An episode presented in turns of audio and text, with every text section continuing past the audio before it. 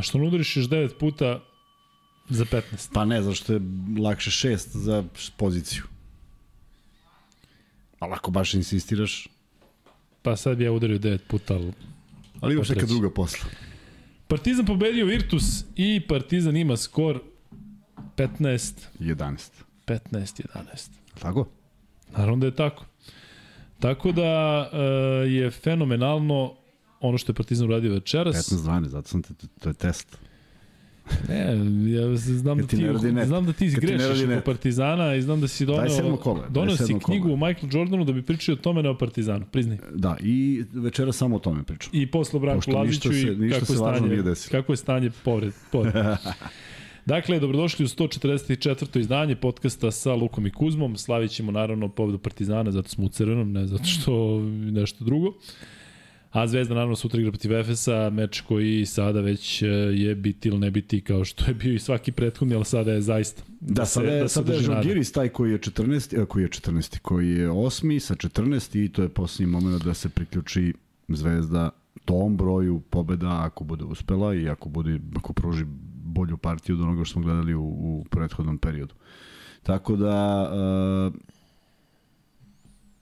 Partizan je ostvario izuzetnu, izuzetno važnu pobedu i da nije Baskonija dala taj neverovatan koš, Kao ovaj što je bilo. prenosio Baskonija, znači, ja mislim da je on baksu izgleda. sve je bilo neverovatno na Baskoni. Ako si gledao, promašio je Del Tavares za kucavanje. gledao. To je nemoguće. Šta je promašio? Dakle, lopta je već bila u obruču i onda ona trojka sa falom na kraju četiri razlike, neverovatno. Gledao sam i usput da, komentarisa.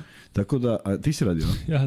Tako da je ovaj, a, neverovatno da eto, to bi jedini rezultat bio koji bi još mogao da, da ide na ruku Partizanu, ovo sve ostalo što se desilo osim pobede Žalgirisa, ali sad Partizan je dva, dve pobede ostvario, to jest bolje u međusobnom skoru i tu sada neka, neka, neka šansa Žalgirisa da prestigne Partizan ne deluje realno, ali ajde da ne pričamo o tome, mnogi rezultati danas nisu realni, pa su se desili. Prema tome očigledno da Euroliga ima a, takav, takav, takav karakter lige da svako svakoga može da pobedi u, kada se najmanje čovek nada prema tome. Sačekat ćemo još tih nekoliko kola dok se neke stvari zaista i ne iskristališu. E, znam da nemamo da izbegamo ono kao delimo koliko ima zvezdaša, koliko partizanovaca, ali moram sad da stavim. Stavi, vidi. E, Mix stavi, dakle, e, za koga navijate Ako je ti pitanje. stavi. Moram. Za koga navijate? Partizan, Zvezda, neko treći. Če stavim BFC Beočin? Neko da treći, neko četvrti stavi. Stavi, stavi stvarno BFC Beočin. Ako jeste sigurno neko navija za... Možda Znači, nas oni drugari gledaju. Partizan, Zvezda, neko treći, ne, da stavi Beočin, pa neko četvrti. Da. E. E, Luka prenosi Armani Olimpijakos je stra, prenos Armani sad strašno određen zaista s tvoje strane gde sam uživao, pa nisam ja radio to, ali dobro. E, Ali hvala ti. Da kažeš brzinski, da kažem brzinski e, mišljenje o Teovoj igri. Ma Teo je bre genijalac, nema šta. Ovaj nema, nema tu mnogo priče. Žao mi je što se njegova karijera realno bliži kraju. Realno on ima još nekoliko sezona u, u nogama. Ipak je 87. godište. Doduše, takvi igrači poput njega, tako Kuzma, on može da igra još 5 godina ovakav, nije on nikada sad nešto kao, znaš, više nije brz. Čovjek može glavom da igra još 5 godina. Teo, Ne može. Može. Pa, Daj pol, preko ovog pola. Da li Teo može da Daj igra još sve 5 polove sveta. Znaš zašto, znaš zašto ne može? Zato što je ovo, ovo njegova prva godina jedne, jedne vidnije nervoze, a iz iskustva znam kad nervoza dolazi, kad neke stvari ne možeš da uradiš. I ovaj, e, bilo je to isključujućih, bilo je tehničkih grešaka u ovoj sezoni, nešto što se ranije nije dešavalo, nešto što je on čim je ranije mogao da se iznese, a sad je to zaista prezahtevno da bi bio na svom nivou. I on je nije nervozan zato što ga je neko uvredio na terenu, nego zato što ovaj ne može više da ide da igra onako kako je kako nas je naviko da igra, ima naravno i dalje lucidnih poteza, ali kada se sve sabere, a pričat ćemo o toj utakmici, osam izgubljenih lopti njegovih je ipak mnogo, s obzirom da, da smo ga navikli na neke, da nas je navikao na neke druge, na neke druge brojeve. I onda, ovaj, ajde odmah da krenemo od toga, pošto su mi poslali mnogo poruka kako je ispao ovakav ili onakav. Ne mislim da je to bio neki pregrub faul, iskreno govoreći. Mislim da jeste bio namera da se zaustavi egzum. Udarac je rukom, podlakt, nadlakticom, nije pesnicom, nije nešto što je ovaj, nije mi delovalo pregrubo koliko je želja da se napravi faul, a paradoks je da sudija nije svirao. To je ono zbog čega je uopšte ušlo, zbog čega se došlo u bilo kakvu polemiku. Jer da su svirali faul ne bi se ništa ni desilo, niti bi došao Panter, niti bilo šta, ali to je bio samo moment jedan koji je prevaziđen istog sekunda, tako da ne znam što se dizala tolika prašina, nije to bilo ništa. Meni se čini da on nikada ništa ne radi slučajno i da je hteo na taj način da stavi nešto do znanja kome god šta god. Njega je Smajlagić zakačio u, onim faulom, ne mislim da ga zakačio malo i po nosu u uvodnim minutima i mislio sam da će njega u nekom trenutku da, da, da pa onako bi... zvekne, ali ti, ti sećaš one njegove genijalnosti kada ga je nervirao sudija, mislim da je bilo Srbija i Italija I kada je se odbila lopta i kada je ovako, kao ka sudi pogodio ga u nos. Dakle, on i u NBA ligi imao te varijante, dakle, jednostavno Mislim da kod njega ništa nije slučajno, ali... Pa onda bi nam bilo logičnije da je Gruno Smajlagića, ali zašto Egzuma... Pa zbog pritom... dva zakucavanja, zašto? Vrlo jednostavno. Nije, ma jok, nema veze. Ali ovaj, vidio si posle oni i Panter su jako brzo, one sudije kao oni sad stavaju, stavaju između i kažu čekaj, hoćemo da rešimo ovo, oni da. kao ne, pa, dećiš. Pa zato kažem, da, ništa se nije što se spektakularno nije desilo i ne mislim da upada u kategoriju bilo čega o čemu treba trošiti reči, ali treba pričati o tome kako je bila igra i jednih i drugih i Teodosića, zato što je otvorio utakmicu dobro, ali kasnije to već nije, nije izgledalo nikako. Evo, kaže ovde Aleksandar Trifunović, ocenite današnju igru Madara, mislim da je najzrelija njegova igra do sad. Ja da čekam da pričam o Madaru, zaista je danas igrao baš ovako kako ti kažeš, kada budemo pričali o igračima, pričat ćemo i o njemu. Kuzma, pre nego što krenemo na Partizan, pre nego što krenemo sa 144. podcastom, gde ćemo pričati o Partizanu, pa o mečima koji su danas odigrani, pa o Zvezdi koji igra sutra, pa o mečima koji se igraju sutra, naravno zakačit ćemo Everkup, ali će pričati Miks o NBA-u. Dajmo ga Miksa po kadru broj 4. Hopa! Miksa in the house. U Lila. Lila, boja Lila. E, znaš pesmu? Lila, Lila, Lila. Da ne znam. Meni, ja u toj pesmi razmišljam po ceo dan. E, Ćao Srki, ćao Irena. Ćao društvo. E,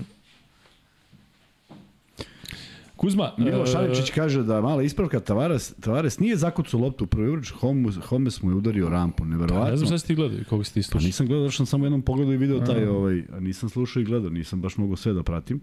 Ali eto, ako je rampa, onda zaista fantastična reakcija i, i zasluženo sve kako je bilo. I ovako je zasluženo, ne bi Baskonija bila tu da je nezasluženo, ali zaista neverovatna završnica i kažem, Jedini problem što to ne ide nikako u korist Partizana. Da. Baš ta pobeda. Ali, a već je bilo viđeno i već su ljudi konstatovali da je završena utakmica, međutim, eto. Ja mislim da Partizan jeste sad u situaciji, bez obzira na zaista težak raspored do kraja, ali da može malo manje da gleda u druge i da više gleda ne mora u uopšte svoje. Da gleda, uopšte ne mora gleda da, u druge. To... Ako pobede sve, ne moraju gledaju ni u što.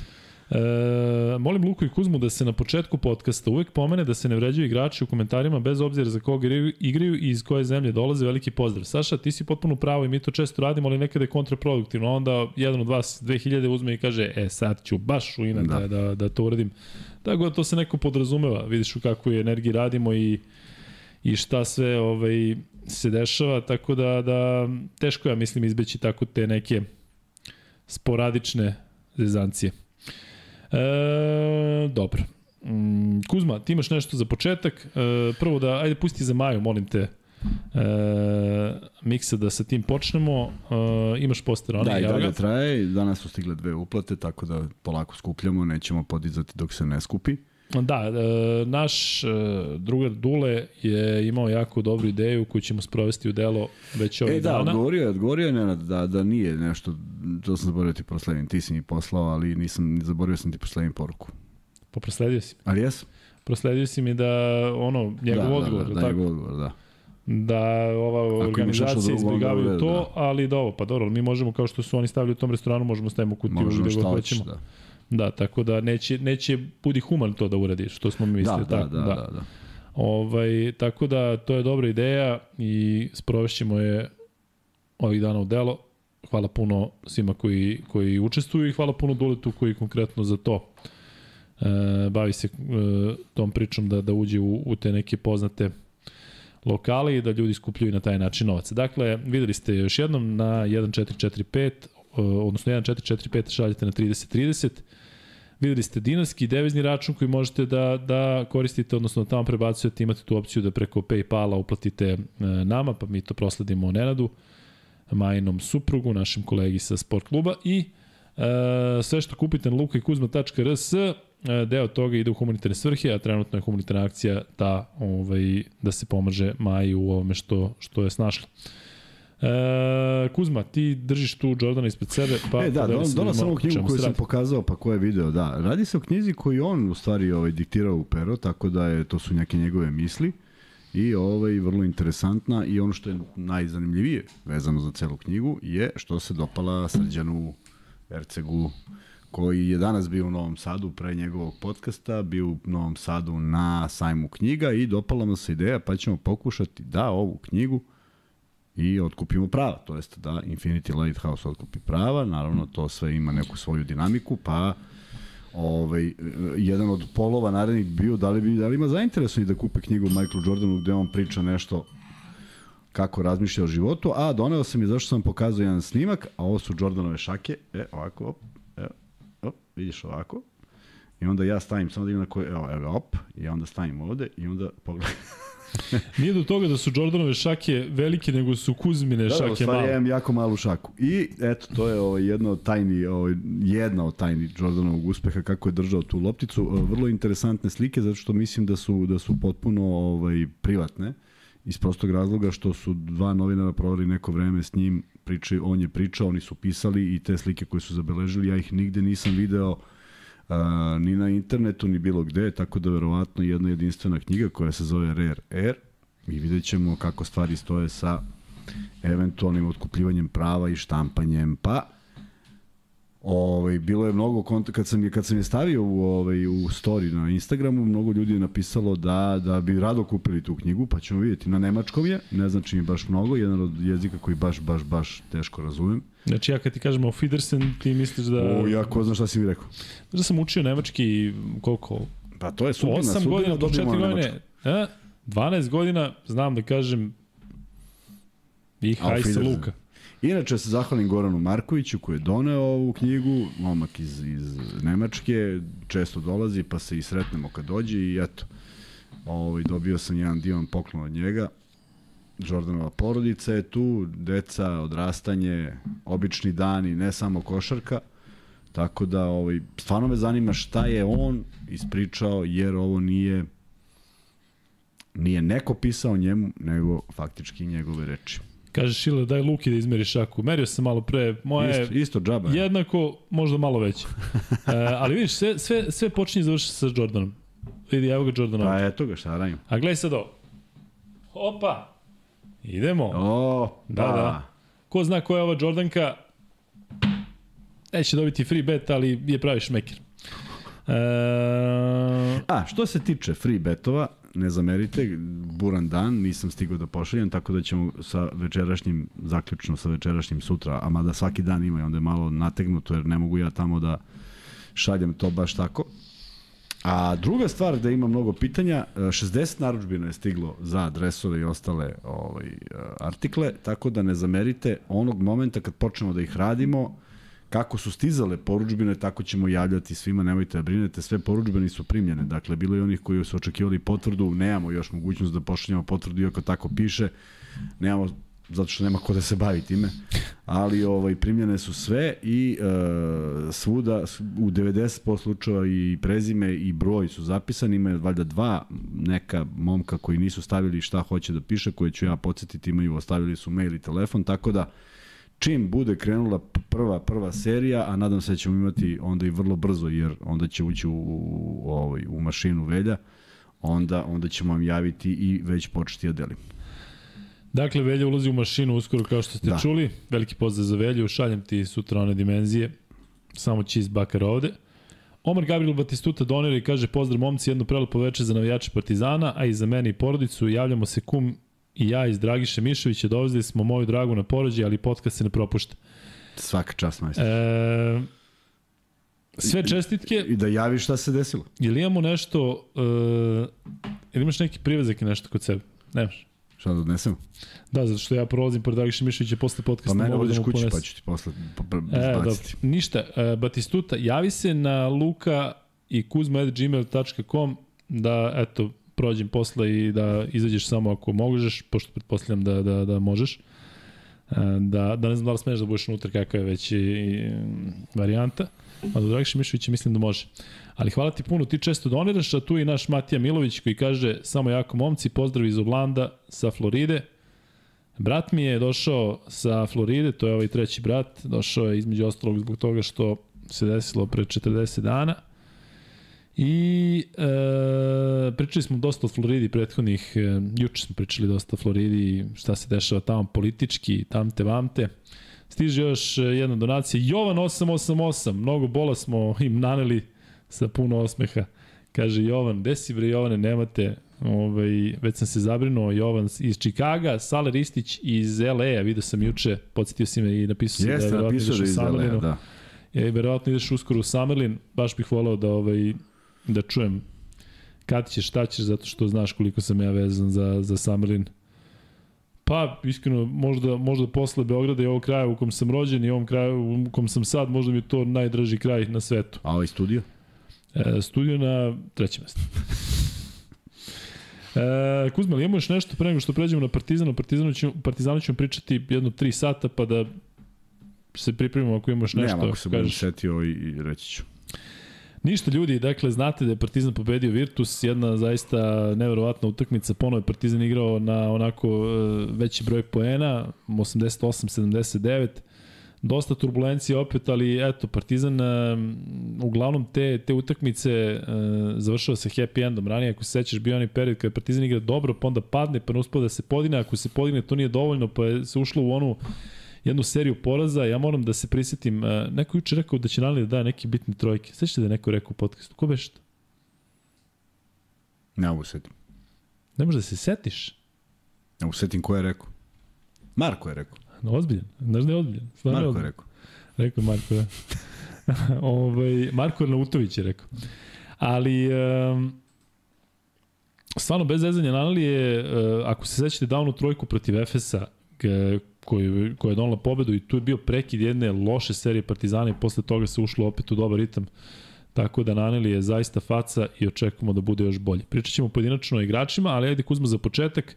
Partizan je otvorio utakmicu uh, sjajno, 28 poena, što nije ni blizu rekorda ove sezone što se tiče prve četvrtine. Partizan je znao da i 40 koliko je bilo protiv Reala, pa je taj meč izgubio. Onda u drugoj četvrtini 17, u trećoj 20 i u ovoj posljednjoj 23, ali odbrana je bila potpuno drugačija u prvom i drugom poluvremenu. U prvom poluvremenu Partizan je primio 47 poena, u drugom poluvremenu 32. Ajmo malo o toj odbrani, jel ti se čini da je e, Virtus pao u drugom poluvremenu? Da. da ali, ali da li ga je Partizan naterao dobrom odbranom ili misliš da je ne, pola Partizan je igrao odličnu odbranu i nije uspeo da realizuje neke stvari u prvom poluvremenu. I u drugom je bila korektna, ali zaista ide na dušu Belinelija pre svega, koji je imao neverovatnu seriju izgubljenih lopti A, za razliku od prvog polovremena, to su bili pasovi u ruke i treba samo da, da, da, da istaknemo, a, Partizan je osvojio, imao pet ukradenih na pet izgubljenih Virtusa, što se jako redko dešava da su ti sve lopte ukradene. Dakle, obično se neka baci, neka faljoka pa ode u aut. Ne, igrači Partizana sve lopte koje Virtus izgubio, oni su zaista i osvojili.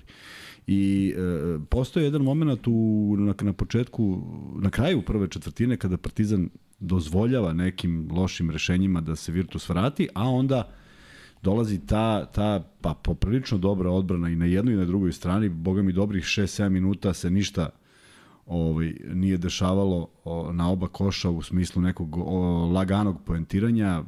Zaista sam mislio da Virtus tu može da prelomi utakmicu iz prostog razloga što su delovali kao jedan u, u, u onom segmentu koji ja volim često da spomenem, a to je pravljanje faulova. Video si da se niko nije štedeo, prosto nije smeo da se primi lak po, poen i Partizanu je jako teško bilo da dođe do koša. Međutim, uh, i Partizan je u isto vreme odigrao izuzetno dobru odbranu, nije dozvolio da Virtus iskoristi to. Uh, mala prednost u nekim skokovima na strani Partizana, ali ne u onim koje su vraćene u koš i polovreme onako prilično dobro za Partizan iz prostog razloga što je sve vreme bio egal, nijednog trenutka nisu pali, kad su pali podigli su se i onda počinje drugo polovreme u znaku Partizana od samog početka, otvaranje serijom 7-0 i e, jedna stvar koja je mene obradovala, iako su rekli da ovaj, pa Jola neće igrati, ja, sam, ja mislim da je to dobra stvar za Partizan, ali nisam očekivao da Belinelli zaista odigra ovakav meč iz prostog razloga što uh,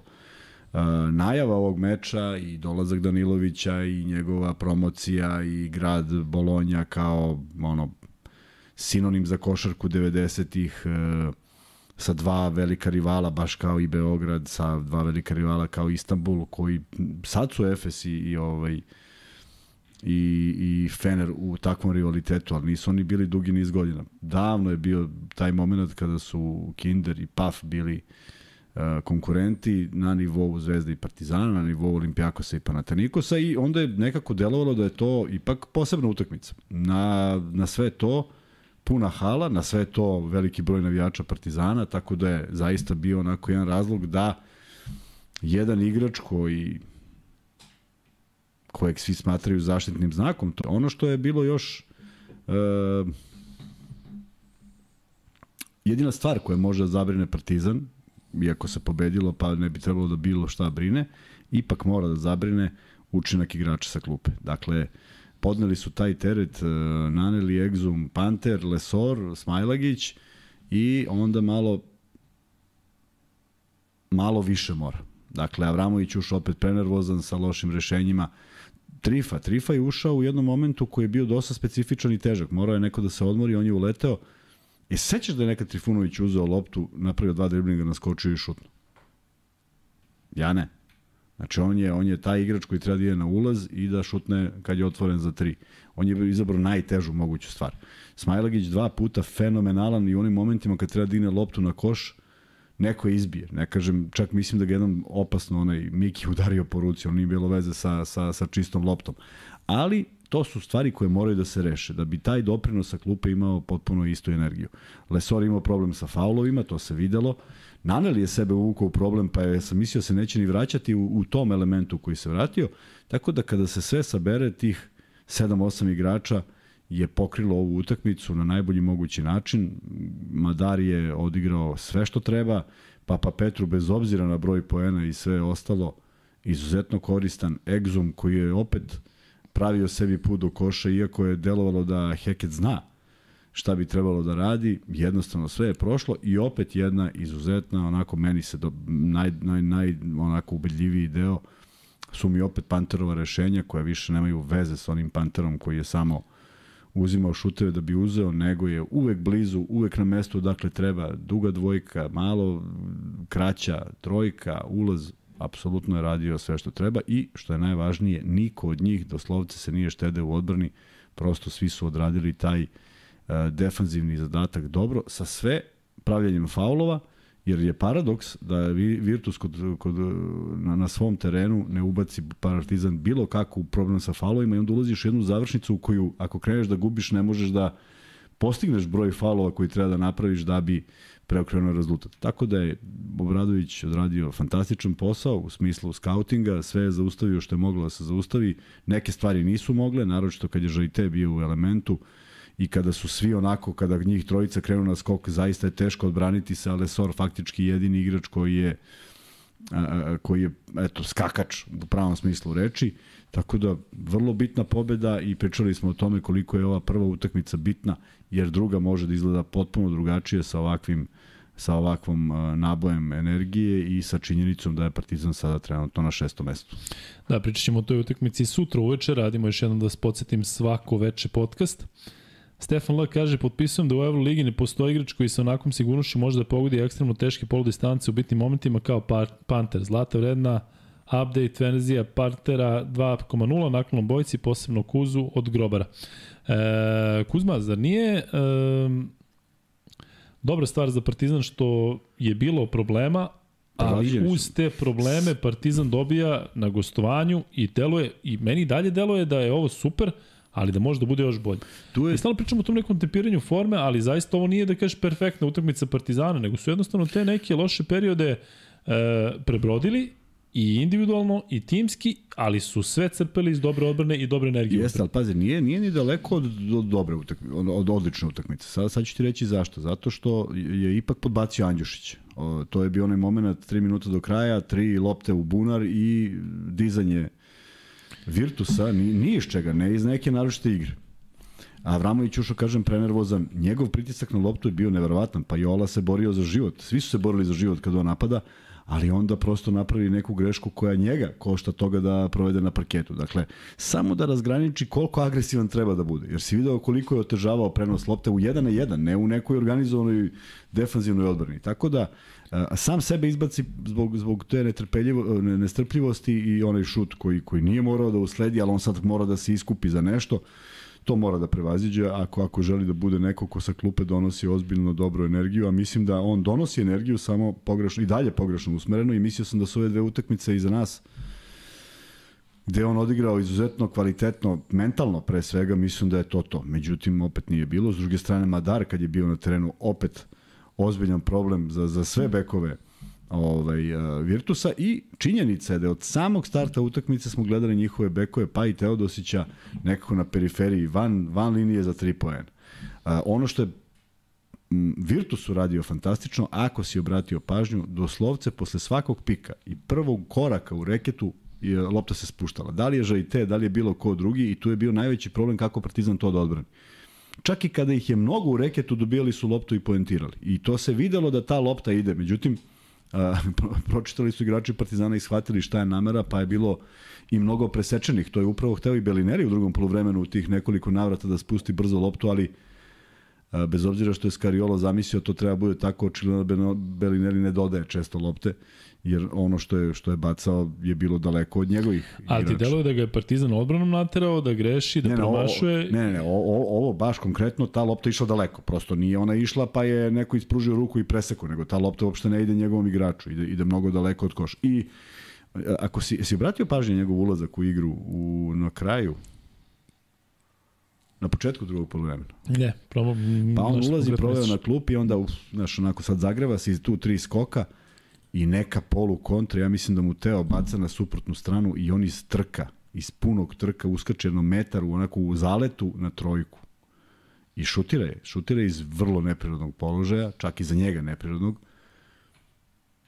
Promaši, pošto je znao gde će lopta da se odbije, jer vidio koliko je loš šutnuo, stigne do nje, ponovo šutne trojku i onda ovaj, srećom tamo neko napravi faul bez, bez, bez tog učinka od, od, od 3 poena ali hoću da kažem, potpuno je uveo ekipu u neki kontraritam, tako da a, mislim da nije bio spreman za ovu utakmicu i mislim da se to dešava kada jedna ekipa na tvom terenu odigra tako agresivno da te iz bubeca. I Partizan jeste prebio ono što sam juče ispomenuo kako treba igrati protiv italijanskih klubova, ne vole tako nešto, bez obzira što oni deluju ispod koša, svi kad ih naređaš, vrlo impozantno, ali prosto ni u svojoj ligi ne igraju tako, jer je kriterijum suđenja uvijek bio onako da bude to jedna lepa šava, lepa košarka. Ovde kad uđeš u kost, a pa, igrači Partizana to jesu uradili, onda je epilog takav da nisu uspeli da se odvoje ni jednom i došao je samo moment kada je sve leglo i pre svih Exum uspeo da napravi opet nešto kako bih rekao, onaj, onaj coast to coast preko celog terena da niko napravi faul i onda zakuca sa, sa laktom u obruču. Nekako, prosto nije mi jasno. Mislim, svaka mu čast na potezu, nego je neverovatno da stigneš toliko da, da te niko ne faulira. Pa dobro, on stvarno na momente delo da je neuhvatljiv, verovatno u toj panici i u odbrani i sve. Daš. Ali da, tu se gubi, ali tu se gubi koncentracija, jer ne možeš prosto ne znaš to. I pritom, uh, e, neka, neka, samo me zanima zaista, pošto je bio, ne, neko mi je poslao, uh, u prvom polovremenu Exum je krenuo na levu, na levu stranu, I ja bi se zaklao da se u, u, u vazduhu okrenuo kad je bio faul, i da je da samo nek mi neko kaže da li je uspeo desnom da je zavrne u obruč ili ili levom. Meni meni ja mislim da je prebacio u, u desnu ruku. U svakom slučaju glava alfa i omega opet ovaj ove ekipe bez obzira na, na, na energiju svih ostalih uz Pantera i Naneli eto to je ta bekovska linija koja je onako potpuno donela taj košgeterski u tom smislu mir, a Ledej u velikoj borbi, u mnogo padova, u mnogo guranja, u mnogo faulova koji nisu svirani, primljeni i dati, Lesor koji je izgoreo u nekoj želji da, da, da, da, ne, da ne primi koš je napravio dva faula, tri faula kojima je sebe izbacio iz igre. Smajlagić bio sasvim solidan, opet dobro birao kada šutira, kada ide na koš, ali tu mora čvršće i tu su stvari završava. Uh, uh, ti igrači koji su iznali moraju za nijansu bolje jer dolazi serija ovakvih utakmica, a onda će biti potrebni jer, jer svaka ta protiv ovih premijer timova Pa da, Fenerbahče, Olimpijakos, Barsa, Real će e, morati upravo to, upravo još to, bar da, ne, dvojica, da ne da nedostaju budu. oni, jer ako bude potrošnja ovih, Da. onda će se potrošiti na to jedno, ja sledi i sledeće vrlo brzo. Tako da, uh, uh, mogu uh, malo samo da, da, da ne razmišljaju, možda imaju neko opterećenje da je to sad biti ili ne biti, ali zaista mislim da kada, kada ovaj, uđu u utakmicu nekako samo sa boljim pristupom, ne verujem da ih neko opterećuje, ne verujem da im bilo ka, ko šta kaže i sad mora ili ovo ili ono, jednostavno sami sebe delujem, delujem i da sami sebe opterete, a preko su potrebni da bi, jer svaki, svaki, svaka izmena je bio taj minimalni zastoj. Ni, e, nijedna izmena nije bila bum, a mora da bude, moraš da nađeš nekad nekog igrača koji donosi tu energiju ovaj, da, da, jer je sveži, jer je spremniji i mora da, da povuče tim. Tako da, e, ne iznena, mene ova pobeda ne iznenađuje, uopšte nisam mislio da, da, da je, ovaj, iako smo, slažem se ono što si rekao juče, da Partizan ne može da bude favorit kad ide u Bolonju, ali nisam, nisam zamišljao ništa drugačije od ove utakmice. Uh, srećna okolnost to je prevagnulo na stranu Partizana jer su odbili sve napade i došlo je ono, sviralo je poluvreme kad, kad je ovaj kad je Virtus krenuo u taj neki nalet, međutim već drugo poluvreme i otvaranje je bilo potpuno drugačije u pravcu toga što se desilo. E, još nekoliko donacija. E, Srđan Vidović kaže Virtus podbacio. Video sam još jednu donaciju koja mi je sada pobegla, ali pokušat ću da je nađem. Evo je Nemanja Minjović. Kaže, meni je neverovatno koliko je Panter smireni i koliko uzima rezonske šuteve i igra bolje. Pozdrav iz bloka 64. Pozdrav Burazeru. Danas su nešto su zatvorili tamo na Novom mostu, ono skretanje da se izađe kod Buljaka, pa sam išao skroz tamo preko blokova i čuda i svega i onda na sred puta autobus e, koji se pokvario i za malo nisam zakasnio na Turk Telekom Prometeas, tako da mobilazio sam i te blokove iz kojih si ti, iz kojih pozdravljaš. E, nemojte zameriti što ima puno e, pitanja i komentara, ne stižemo da sve pitamo, postavimo, da odgovorimo. Vidim da vas ima puno, 1654 ljudi je glasalo, a imamo 272 lajka. Znate da kad dođemo do 500 lajka, E, znaš da kad glasa free bet. 1674 imamo 270, da to mora da, da ovaj, odmah mora se uh, udari like. Šta Mislim, da? tako je pravilo. Ako imaš taj odnos, 1674, a 272 lajka, da onda mora svako da udari like. Ajde, hoćemo da pozovemo. Pa da, tako je na YouTube-u. Šta tako Pa je? mora tako. E, da, kad odemo do 500 lajka, ide free bet. E, Miksa, možeš da ugasiš e, pol da vidimo kako se e, Vidimo koliko ima kreću navijači. Pa, verovatno, ovaj, verovatno mnogo. Partizan 71%. Zvezda 19%. Znači, zvezdaši, Čekaj, gde su moji tu. Beočinci? Beočin 7%, Opa. neko četvrti 2%. Da. Opa, e, to mi reci. E, daj, dosta vas e, kaže to, ali ja nisam verovao da, da, da je to zaista u praksi tako. Dakle, kada se priča o drugom klubu ili kada ne znam šta, neće da gledaju ili premotavaju, Ovaj, e, tako da... e, Pa dobro, šta radimo? tako, ali lepo je s obzirom to da imamo u e, da u live imamo 2137 ljudi. E, nemojte da se prozivate, nije ovaj nije uopšte momenat za tako nešto. Biće prilike kada krenu dueli u ABA, evo imamo već jedan sada za za za 5 dana imamo derbi u ABA ligi. Znaš? Tako je, pa da. Sledeći, sledeća nedelja, sledeći vikend. Počeš da radimo ponedeljak, četvrtak, Da, pa Sreda, subota, utorak, nedelja, ponedeljak, utorak, sreda, četvrtak, petak, pa ćemo preskočiti onu subotu jednu.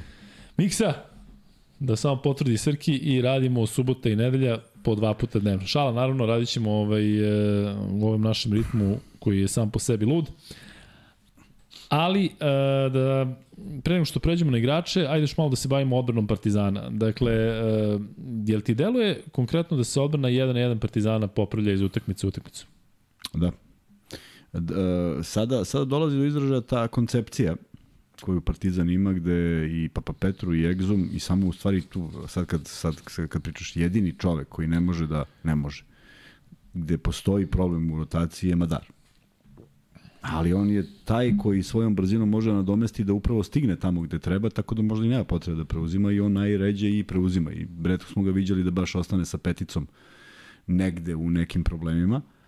Ovaj, uh, tako da su to dobro rešavali, ali na ovoj utakmici nisu, nisu s početka rešavali to što je svaka lopta posle pika i prvi korak u reketu je lopta išla dole.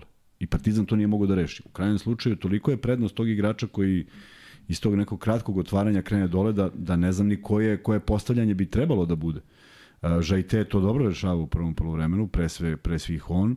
Međutim, taktika koja je potpuno zdravorazumska, to je kad ne možeš da ga ovaj, zaustaviš, napraviš faul. I onda je on imao ozbiljne probleme sa linije slobodnih bacanja. Mislim da nijednom nije vezao dva penala za redom. Tako da onda on uđe u neku svoju nesigurnost i, i, i epilog bude ovakav. Partizan je imao isto jedan manji problem sa linije slobodnih bacanja. Nisu svi baš bili danas raspoloženi, čak i Naneli promašio, što je onako uvek neočekivano, ali je generalno u svim segmentima igre Partizan bio u uh, prednosti i uh,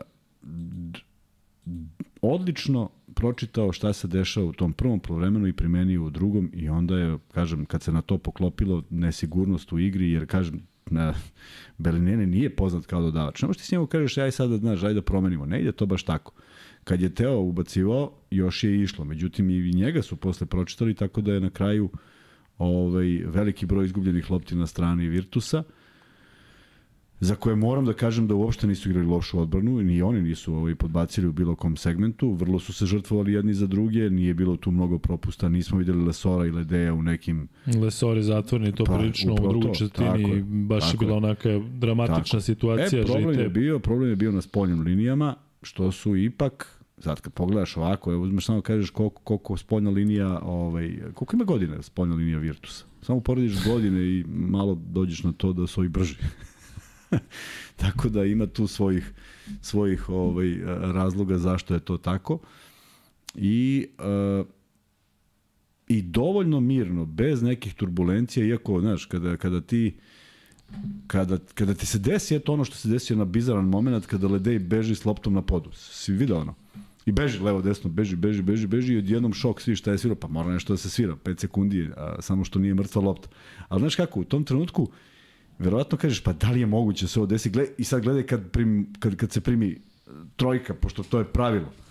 Međutim, iz tog napada je Virtus upropastio, tako da je to onda već stvarno bilo ovaj, e, vrlo blizu kraju i ne bih želao da taj faul Teodos će pokvariti celokupnu sliku jer ovo je bila na odlična utakmica e, pre svega odlična partizanova utakmica za Belinelija me ne zanima što je igrao loše ali nije taj faul ništa prouzrokovao, naročito da sudija nije ni došao do mesta, to bi bilo izgleđeno. Nije, nije se išlo u svađu, nego se išlo u ok, ajde, dešava se kad si nervozan. A kada si u godinama i kada nešto ne ide, onda jesi nervozan i to je prosto tako. Još jednom pozdrav za Gabriela Omara Batistutu i želimo mu sve najbolje njemu, e, ženi i e, želimo da beba ovaj, Kaže da ne može da bude unutra s njom, ne zna da li će biti uopšte večeras.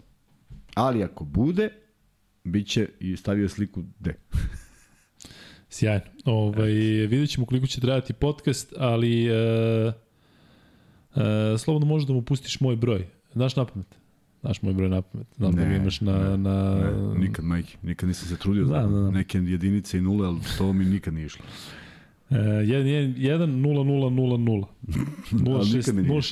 E, ali samo da pozdravim ovaj, jednog momka, partizanovog navijača, ovaj, što smo pokušali da mu sredimo karte. Iz Belog manastira. Pa da ga pozdravimo. Pozdravimo. Nemamo baš ovaj, mnogo poziva iz Belog manastira i da pozdravimo Nišlije. A? Mislim da je to on, ali pojavljamo pa on, on, da. I da pozdravimo Nišlije, evo i oni su se javili, gledaju, tako da hvala svim ovima, ovih, koliko se rekao, 2000 stoji nešto? 2154. Svima, svima koji su sa nama, svaka čast, naporan je ovo bio dan i za mene i za Luku, verujem i za mnogi od vas, ali ovaj, ali sad imamo o čemu da pričamo, pa je pa lepo, da lepo što ste tu. Praznik košarke, kaže Marko Punović koji donira i kaže taktička bitka, dva fantastična trenera, briljantna NBA partija Exuma, prelep ambijent i na kraju velika pobeda Partizana. Veliki pozdrav i pohvala za podcast i istrajnost. E, Ajde opet ću malo da skrenem sa teme. Imaćemo zaista puno lepih iznenađenja u narednom periodu. Gledamo da unapredimo sve stvari. Vidite da je krenuo i sajt, da smo ubacili tu uh, utakmicu koja će imati između ostalog i humanitarni karakter. Dakle, još neke stvari ćemo da unapredimo tako da bez brige e, radimo na tome da rastemo što više, samo je situacija takva da ne možemo ja i Kuzma da se potpuno posvetimo ovome, zato što imamo naravno i poslove pored ovoga, ali ide ka tome da, da, da se širimo, da bude što veće, jače, zanimljivije, kažem, samo nam je potrebno još vremena, za sada možemo ovaj, uglavnom ovako da, da radimo podcaste non stop, ali što se tiče te neke, tih nekih tehničkih stvari, što se tiče neke logistike, svega i svačega, bit će to sve kako treba. Biće, biće, unapređuju se mnoge stvari, pa da. ćemo napraviti i to. Uh, trenutno, ako možda niste primetili, ali da znate da garderobu i sve što naručujete do sad trenutno distribuiramo po zemlji. Prosto mnogo je komplikovano, nije nije neka nauka, ali iziskuje celog čoveka, a to Luka i ja ovaj, nismo, nismo, nemamo trećeg i iziskuje mnogo vremena, tako da ćemo blagovremeno i to naći. Za sada ovo ide fenomenalno i hvala svima koji se jave. Kažem, ja mislim da je od 60 naručbi, ja mislim da ima nekih 42, 3, 4, 5 dresa da je ovaj da je prošlo, ima ih još, sad nekih manje, povukli smo sa stanja, tamo se vidi kada, kada se ukuca koja, koja veličina se traži, velja o tome vodi računa. Danas sam pokupio neke stvari koje ću sutra već prode, po, podeliti, ali kažem za dresove kad bude krenulo javljam. Srećan 8. mart svim uh, ženama, devojkama, suprugama, Danas je 8. mart. Počeo 8. mart pre Aj, 74 minuta. E, Mik se stavi koliko ima stavi muškaraca, žena. Eto, to baš me zanima i sad će vjerojatno neko klikći tamo žene, ovo sve, ali me zanima koliko sada trenutno gleda žena. E... Rumpe kaže, ajde, kaže, baci pozdrav za pljevlja. ne, pa ima ovde sad pozdrav i Testenik, sve ima, znači pozdravljamo sve. Uh, tri, tri dnevno. Nešto, da.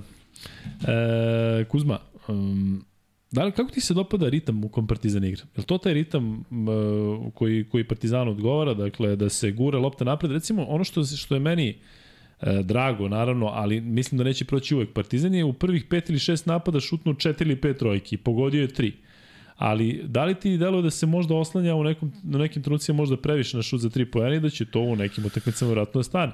Ali um, druga stvar koja, koja, koju isto um, hoću da prekomentariš pa možda se nadovežeš, koliko Partizanu zaista znači ta atmosfera kada odeš bilo gde i imaš onakve navijače koliko to je nešto na što su se već navikli i da. sad se podrazumeva i diže ekipu. Da... Pazi, znači svima i sad reći da ne znači, to znači da, da nekako prosto ovaj, umanjiš vrednost tih ljudi koji su otišli tamo ko zna odakle i napravili jednu dobru atmosferu. Ali sama atmosfera po sebi već znači. Dakle, kad igraš u dobroj atmosferi, već ti je imaš, imaš dvoja ko hoćeš da obraduješ ove svoje, a ako nema tvojih, onda kažeš, ej, hoću da pokažem ovim njihovim ko je došao, tako da kad je dobra atmosfera, mislim da, da, da nemaš neku razliku. Naravno da je dobro kad tvoj potez isprati gro dvorane, jer se osjećaš poletiš i onda kad čuješ neki taj huk, prosto možda uradiš sve. A znaš zašto sam te pitao, da li pred takvim navijačima, u ovakvoj atmosferi u areni, kad odeš tamo sa strane, da li Partizan jednostavno mora da igra u ovakvom ritmu, dakle jednostavno te to gura da ti igraš sada i, i atraktivno, i agresivno, i ludilo, i sve. Znači ja ne mogu da zamislim sada Partizan da igra non stop pozicijni napad 24 sekunde, da se to igra neki mali broj poena, da je rezultat 60 ali, 59. Ali ja mislim da Jednostavno Partizan... nekako ide, ide uz atmosferu sa tribine. Sve stoji, ali ja ne mislim da Partizan igra podjednako brzo kao s početka sezone, što je meni smetalo. I mislim da je našao neku meru. Dakle, Partizan će iskoristiti, nije tu bilo 242 kontrnapada Partizana ali su išli dovoljno brzo. A čak im se desilo i nešto da su primili par poena onom rekontrom u leđe, što oni vole da rade. Da pa su primili neke koše, pa se u prvoj četvrtini, ne znam ko se našao ispod koša, pa promašio koš, sticajem okolnosti jer je, jer je promašio. Tako da i njih je tu negde zabolelo jer nisu obratili pažnju na sve to, ali ja mislim da oni sada čitaju šta se dešava na terenu.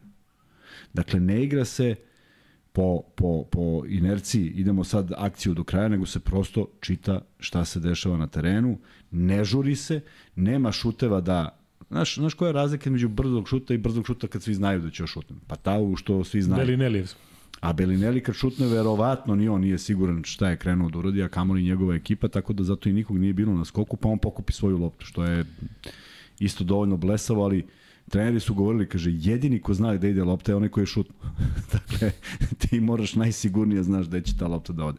Pa je tako i pokupio sobstvenu loptu, ali mislim da je Partizan našao meru između pozicionog i tranzicije neke koju, koju su upražnjavali prečesto i mnogo su se kratko mnogo su brzi bili napadi, danas im napadi nisu bili brzi, danas su napadi bili u pravom trenutku, čitali su odbranu, pogodili sve što, naravno, ali kad šutiraš iz dobre pozicije, pa što je da te ne ide šut, tako da kad ima rezona, sve mi nekako drugačije deluje. Tako da, potrošnja je bila ogromna i na jednoj i na drugoj strani, ali mi je da me ne mrzi, pogledao bih prvih pet utakmica Partizana u ovoj sezoni i mislim da bi video razliku u odnosu na ovo danas. Dva komentara, jedan od drugog. E, Marko Gorilov, jako je lepo, pa ću da pročitam, inače ne stignem da pročitam sve tako divne komentare. Kaže, hvala vam na neumornosti i predanosti da ovo bude najbolji podcast, kako je rekao već, i ne samo košarkaški. Pozdrav za obojicu, sutra Zvezda da dobije Efes, znači će i Partizan. Tako je, lepo je kad nas tako nešto spaja, da. pa svi srećni. E, I Boriša Pandurović nas poziva na rođendan 12. Boriša, nadam se da pozivaš samo nas, a ne sve ljude koji su odu u live-u, pošto će ti doći i milijon ljudi. Boriša, veliki pozdrav za tebe i bilo lepo videti te, videti te u pioniru na utakmici protiv reprezentacije engleske, tako. Engleske, e, da. ima tamo, ne znam da li ima neki varšin, da li bio tamo? Da Bilo ih četiri za da. zemlje. E, Kuzma, e, da pređemo na igrače, da se slažeš ili imaš recimo, ajde samo kratko prokomentariši Virtus. E, je li ima tu nešto što, što nismo videli? Videli smo mm. u drugačije od onoga što smo, što smo mogli da očekujemo. Ni igrao Lundberg, ni igrao Šengelija.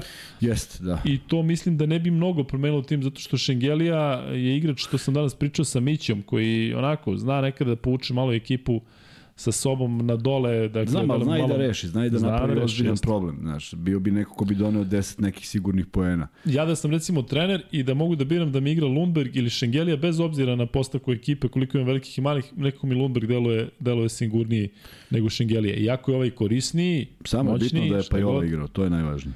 Pajola sa one dve, nemoj Pajolu pominjati, molim te. To je bilo dobro. I vrlo bitno da je igrao. Da nije on odsustvo, onda bi se ponajavio onaj, onaj, onaj Riđi, kako zove, Menion. Menion. I pod, poludeo, ovako nije, srećom nije, ono jednom je poludeo u životu i dovoljno. Da, znamo svi kad je Znaš šta je kod, Virtu, kod Virtusa? Sad kad, kad biramo sve ekipe i kad ih gledamo, možda su mi najveće razočarenje. A pa sad u kom smislu? Ne zato što mislim da oni igraju nešto pretrano loše ili da mi se ne sviđaju ti igrači ili da ja pomislim da je neka selekcija loša. Oni deluju poprilično dobro, sa jednim čudakom kakav jeste Bellinelli, za razliku od Jamesa koji je podjednako veliki čudak, James rešava utakmice. Bellinelli mi deluje da ne baš. Ali ovaj, razočarenje mi je zato što su na najteži mogući način ušli u Euroligu. A tako? Pobedom Eurokupu, tako. Jel tako, nema teže. Pazi, ove sezone to nije toliko težak način. Da su igrali, da su prošle Sve sezone igli u ovakvom Eurokupu, to bi bilo onako okay, prilično. Ok, ali aj sad pričamo o prošle sezone koja je bila nenormalno naopaka, počeo od Bursa Partizan, pa sve što se dešavalo, tako? Ne pominjem i Bursa Partizan. Da, i oni, su, i oni su ušli. Dobro. I već u toku sezone su se pojačali. I pare očigledno nisu neki problem s obzirom da svi igrači potpisali ugovore da ostanu. I imaš tu, ajde da kažemo, jednu šansu, jer si preko Evrokupa ušao.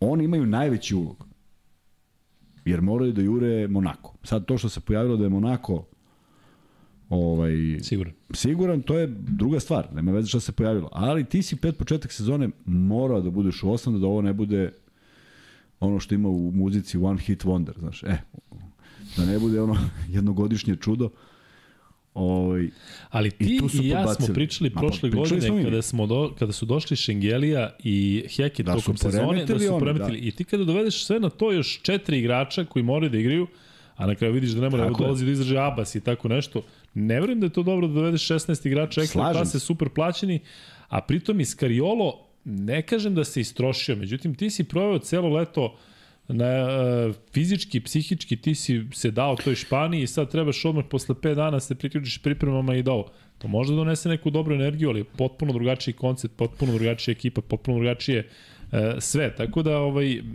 ja generalno, ako se sećaš kada smo najavljivali timove, nisam optimista kada uh, iz Evrokupa ekipe ulaze u, u Evroligu, zato što znamo kako se provodila Valencija, kako se provodila svoje vremeno Nikaha, uđu, izađu, ispadnu, upadnu, tako da meni Virtus nije bio neki tim koji će, ne znam sada šta da radi, ako zaslužuje da bude u Evroligi, a što se tiče Partizana, neko mi deluje da je to mnogo smislenije tempirano za ovu sezonu, nego kod Virtusa koji je kao prošle godine, ne znam šta, pa sad daje još pet pojačanja novih, pa Moguće da je bilo. nekako mi delo da. da je Partizan imao neku viziju idemo korak po korak, pa šta uradimo ovde, ako nam ovo uleti. I verovatno je to neko opterećenje koje ima, koje ima Virtus, u smislu ti ako uđeš kao šampion Evrokupa, navikao si navijača da si šampion, sad uđeš ovde, ovde te tamburio si. Ništa, ne, nema opterećenja. Ne, ne delujem mi uopšte da tamo neko baš nešto, mislim da se teo iznervirao. Da, mislim da se teo osjeća, prvi ne da, da. Zato što je on takav karakter i mislim da bi se nervirao da igra sada četvrtu ligu negde u penzionerskom, on bi se nervirao. Ali ovi ostali ne. Međutim, sad tu je, tu je jedna druga stvar. Ti imaš ti imaš onu priču, evo mi, mi pričamo ovde već koliko godinu dana, Željko šta postavlja, kako kad ide dobro, kako ide dobro, njegov, njegov pečat, kad ne ide dobro, nema pojma, Duško Ivanović, kad ide dobro, fenomenalno, sad vidi šta je izgubio konce i tako dalje. A šta je s koncima Skariola prvaka Evrope? šta, šta je s njegovim koncima? Čekaj, stvarno, stvarno biti prvak Evrope i da ti tim igra da bude na ovom nivou, Ne, ne, ne na tabeli. Možeš ti da igraš dobro i da budeš na ovoj tabeli. Možda imaš neku igru koja ne ide, ne da ne ide, možda imaš neku igru pa i nemaš sreću ili... Ovo mi je stvarno zabrinjavajuće u smislu ko je onda izneo ovu... Ko je izneo... Si dobar. Jesam, kinuo. Ko je izneo reprezentaciju? Jer ja sam tamo vidio neke fenomenalne stvari koje on postavio. Jeste, da, tamo delo je da, ali tamo delo da može da, da dođe do izražaja među igračima koji su, tako je. mogu kažem igrači prosečne klase, ali ti kad imaš paru, kad imaš tako te ih da Fernandez, posao. Dakle, koncipiran je tim da budu tu da pokrpe. Tako je. I pritom su mnogo igrani zato što to. su igli takve prozore zajedno. Upravo I onda to. ubaciš Lorenza Brauna da ti donese na to nešto novo. E, ovde nema ko da pokrpi, nema ko da pegla. Niko neće. Kako se zove što ne nije igrao? Francus. Kordinije. On je neko ko može to da uradi. A šta je Swimson bilo? Pa bio je tu. Pa da, bio je. Ali, pa ne, nema mesta. Navio, navio. Abas, Abas, Abas ga je... U svakom slučaju, u svakom slučaju vrlo neprijatno za prvaka Evrope da budeš na nekom ovakvom nivou igara. Ne pocenjujem i ne mislim sad da mi sad tu neki napiše jeste, nije Partizan dobro igrao, podbacio Virtus. Da se razumemo, uopšte nije tako, ali generalno posle svega ovoga što sam rekao, koliki je ulog Virtusa u ovoj godini specifičniji od svih drugih, ja bih očekivao da oni jedu malu decu, makar u nekom momentu u sezoni. Može to da padne, može da... Sad oni kažu bili su povređeni, pa okej. Okay. E, ali ni, ni u najboljem sastavu to nije izgledalo. Čak ni prošle godine u najboljem sastavu to nije izgledalo majestralno, nego se nekako više provukli. Ali kad uđeš u ovu sezonu, sve što sam mislio da će Virtus biti jedan od sigurnih osam, ako ne u, nekom momentu da, da obezbedi, ali ono da bude konkurentan. Ovako, jedna sezona u kojoj sad svi već razmišljaju šta sad. A video se da je u prvenstvu jedva preguraše neke utakmice. Jeste. E, Luka, da li ti deluje da na papu kontraproduktivno deluju odlične partije Anelija? Pa ne, u suštini dopunjavaju se oni. Mislim da je, da je mm, znam na šta misliš, ali ne delo mi tako. Veliki pozdrav za tebe, Luka, i veliki pozdrav za devojku. E, Luka, stavi pol koliko ljudi danas radi prvu smenu, smjenu. Um, ljudi, ne znam koliko ljudi radi prvu smenu, ali znam da ima dosta vas koji radite treću. I pisao mi je i drugar Bane, i još nekoliko vas koji tako uključite, ovaj, baš bilo lepo da se javite vi koji ste trenutno na poslu, ovaj, zato što znam da ima, da ima i vas koji, koji radite kao i Kuzma i ja sada i drago nam je da možemo malo da vam to sve ulakšamo i ulepšamo. E, Mikse, možda ugasiš ovaj e, pol, da vidimo koliko ima muškarac, koliko žena. Kuzma, šta procenjuješ? Uh, 87-11. 89 I, I oni 10. koji su transgender. 89 Ima neko se identifikuje kao žena, a u stvari nije. Daj malo da o tome polemišemo. Hoćeš da, da se YouTube stavi na dno kaca. Daj malo da krenemo u tom smeru, je. jer to je vrlo interesantna tema. pa znam, kad Partizan dobije, onda idemo po transgenderu. Pa idemo, ne, to je sad najvažnije. Da, da. E, e, Pozdrav svima koji se identifikuju kako god žele, uopšte nemam nikakvih ovih zlih namera. E, 2310 ljudi u live-u. Povećava se. Jako lepo. Kako da. sam rekao, transgender povećava se. Daj sad Tako. pol da ima koliko ima žena. E, 470 lajkova, dakle 30 fali za prvi. Ajmo još 3, šta se stisli sad tu? Za prvi ovaj Beočinci neće da glasaju. Da, spavaju da ljudi, rade, da. bre, oni svi su zaposleni čoveče, bre, kakvi intelektualci, momci. E... Poslao mi, poslao mi Đorđe, ne, da, Đorđe mi poslao. Ko je, kaže, ko je, kaže, Kurić? Đole Burek. Kaže, ko je Kuriđa? Pa si mu rekao koji bre? Jesam, kaže, stvarno liči. Jeste. Mm. Um,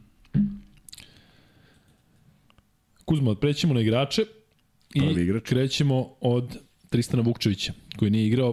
Ti žao što nije Ajde, igrao. ne krenemo. Ne, nema sad tu žao. Šalim se, naravno. Nema tu žao, ne žao, nema sad tu kao sad je proba, sad nije moment Ne, ali sad stvarno šta. deluje da više nije ono da sam ne. kao nešto da li igrao, da je trebalo da igra, zato što stvarno, stvarno deluje da se sve drži pod kontrolom. Tako je, tako I je. da su potpuno konci. Ti kad držiš sad po kontrolu, Tako je, ništa da. ne radiš. I, I sad da nije igrao, pa, da je Panter igrao 5 minuta, ja i ti Ništa, sada nešto tako da je. ulazimo u analizu zašto je Ne. Ne, zna se zašto je igrao Ne. 5 minuta. Sve kad ide, kad ide rezultat i kad ide igra, ne ono kao slučajno si pogo- pobedio zato što su oni promašivali, ne, ne, ne taj fazon, nego kad ide ovako kako ide i ti si konstantno tu, nikada ne postoji pitanje za trenera, niti iko sme da ga postoji zašto nešto nije. Evo, Prosto, evo sada Aleksa Ramović 4 minuta. Sad mi kao da ulazimo u analizu, pa šta će- je trebalo više. Trebalo više, Da. u odnosu na šta je trebalo Da, više. je u šutnu jednu trojku promašio. Ne verujem da je zbog toga igrao 4 minuta. Ne, prosto, e, tu je samo, tu je samo nešto što, što imaš, svaki trener to vidi i to jeste i govor tela i reakcija i pogled i bilo šta, imaju toliko iskustva, naravno što trener o kojem pričamo, da on proceni. Možda već u 30. sekundi tvog trčanja, znaš, onako, nekog besmislenog kad ugleda da, da si na pogrešnom mestu, možda mu je jasno da si potpuno pogubljen.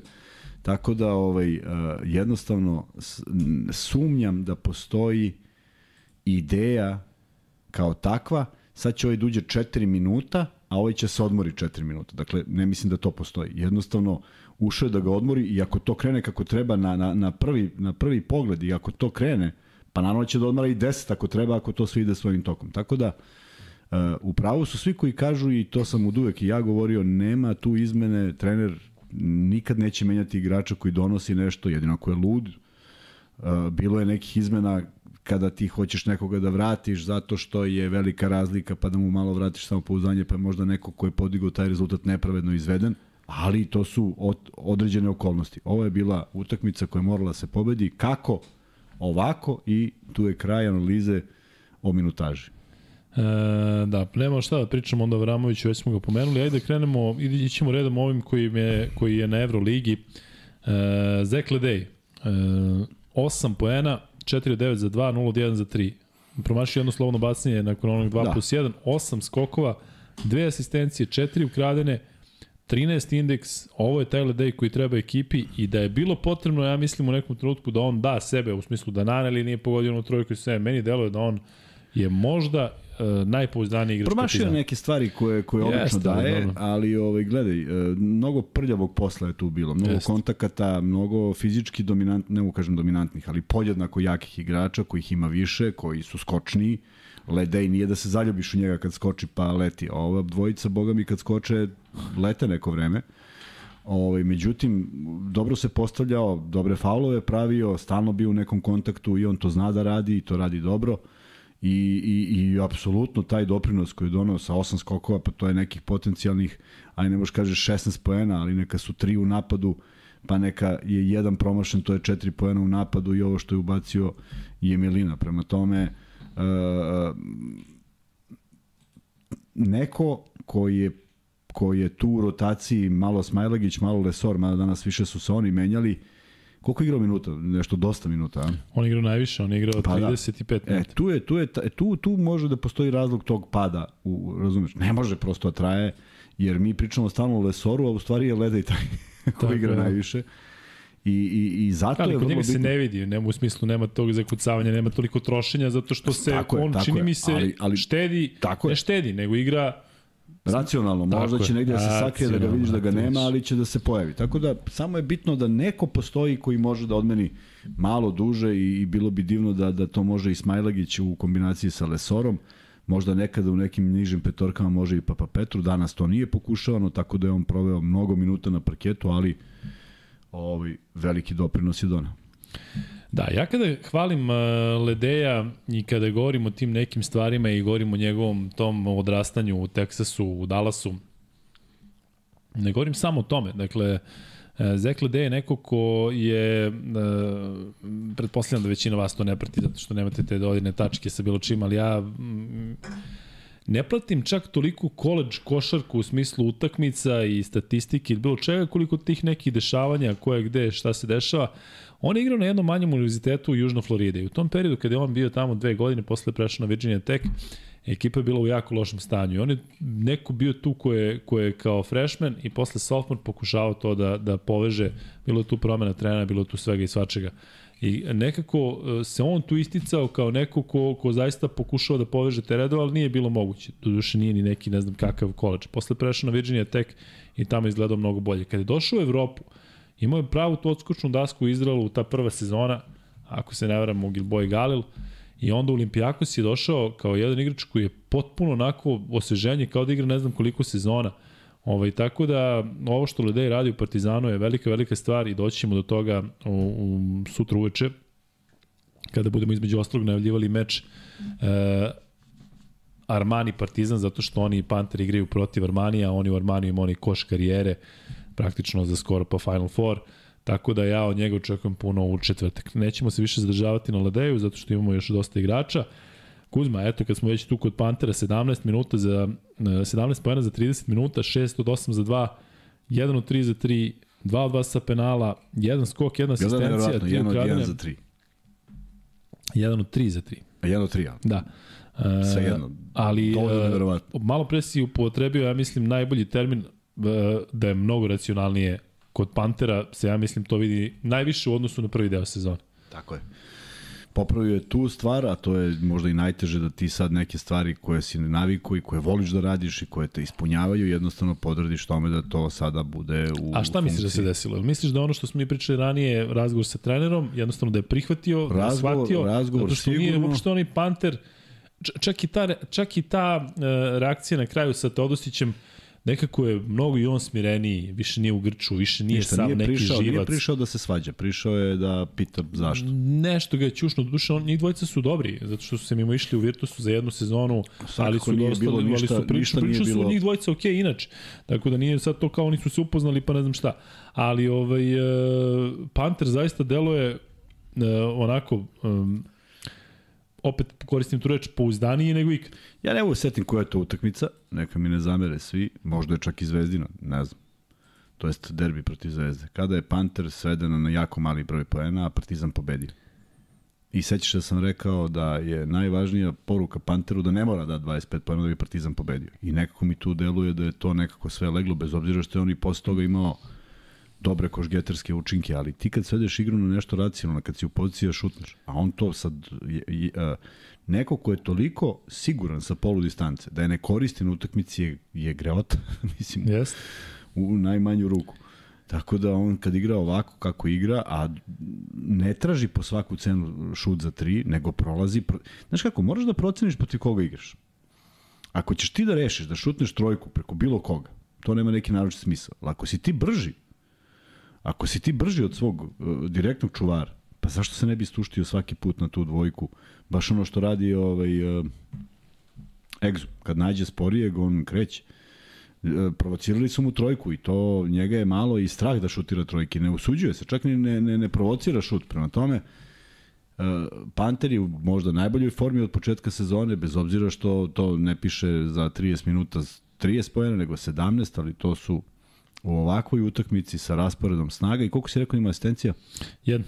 A jedno, dobro. Ali prošlo imao 10 u Splitu. Jest, tako. Da, pa da, da. Ali čini mi se da on može da se potpuno podredi ekipi šta je potrebno da to donese i e, delo mi da ne samo on, već da ne postoji igrač Partizana koji uopšte juri ili misli o statistici. Jel, deliš moje mišljenje da, da čak i taj Madar koji razmišlja o NBA ligi, da mislim da i on sada spreman ako treba 2 minuta, 2 minuta, 30 minuta sa, sa samo 5 poena ili 2 poena da nije problem. Lesor koji ima tu naj, najbolju statistiku skoro u Euroligi i drugi u toj trci za MVP-a, ni on ne juri skokove da bi, da bi imao double-double učinak. Tu, tu moraš da znaš, tu postoji jedan, jedan moment koji je vrlo bitan. Šta radi ekipa i gde se ekipa nalazi. I to je u 99% slučajeva tako. Ako si konkurent za vrh i nalaziš se u dobroj poziciji, može sve. Ako se proceni da si sezonu malo zavrno, e, onda kreće ono što niko ne želi, a to je upravo to da juriš neke brojeve, jer sledeće godine treba ići negde. Partizan je u poziciji da se bori za top 8, Partizan je u ABA ligi sada prvi, prema tome nekako deluje da im je sve leglo kako treba i da sada svi igraju upravo ono što je možda od prvog dana traženo, pa nikako nije došlo. Čudni su ti, ti, ti rezoni igrački, negde koliko god smatraš da ti je ovo saigrač, on ti je na neki način i rival, ima neki koji su teško podnosili kad ovaj da 20, a on ne da 20 i tako dalje. Ne znam šta im je u glavama, ali to je uvek postojalo i postojeće. Samo je kad se podredi jednom cilju, a mislim da je to ovaj, se desilo napokon, da su sada baš takvi kakvi treba da budu i kakav je, kakve je Obradović želeo da budu.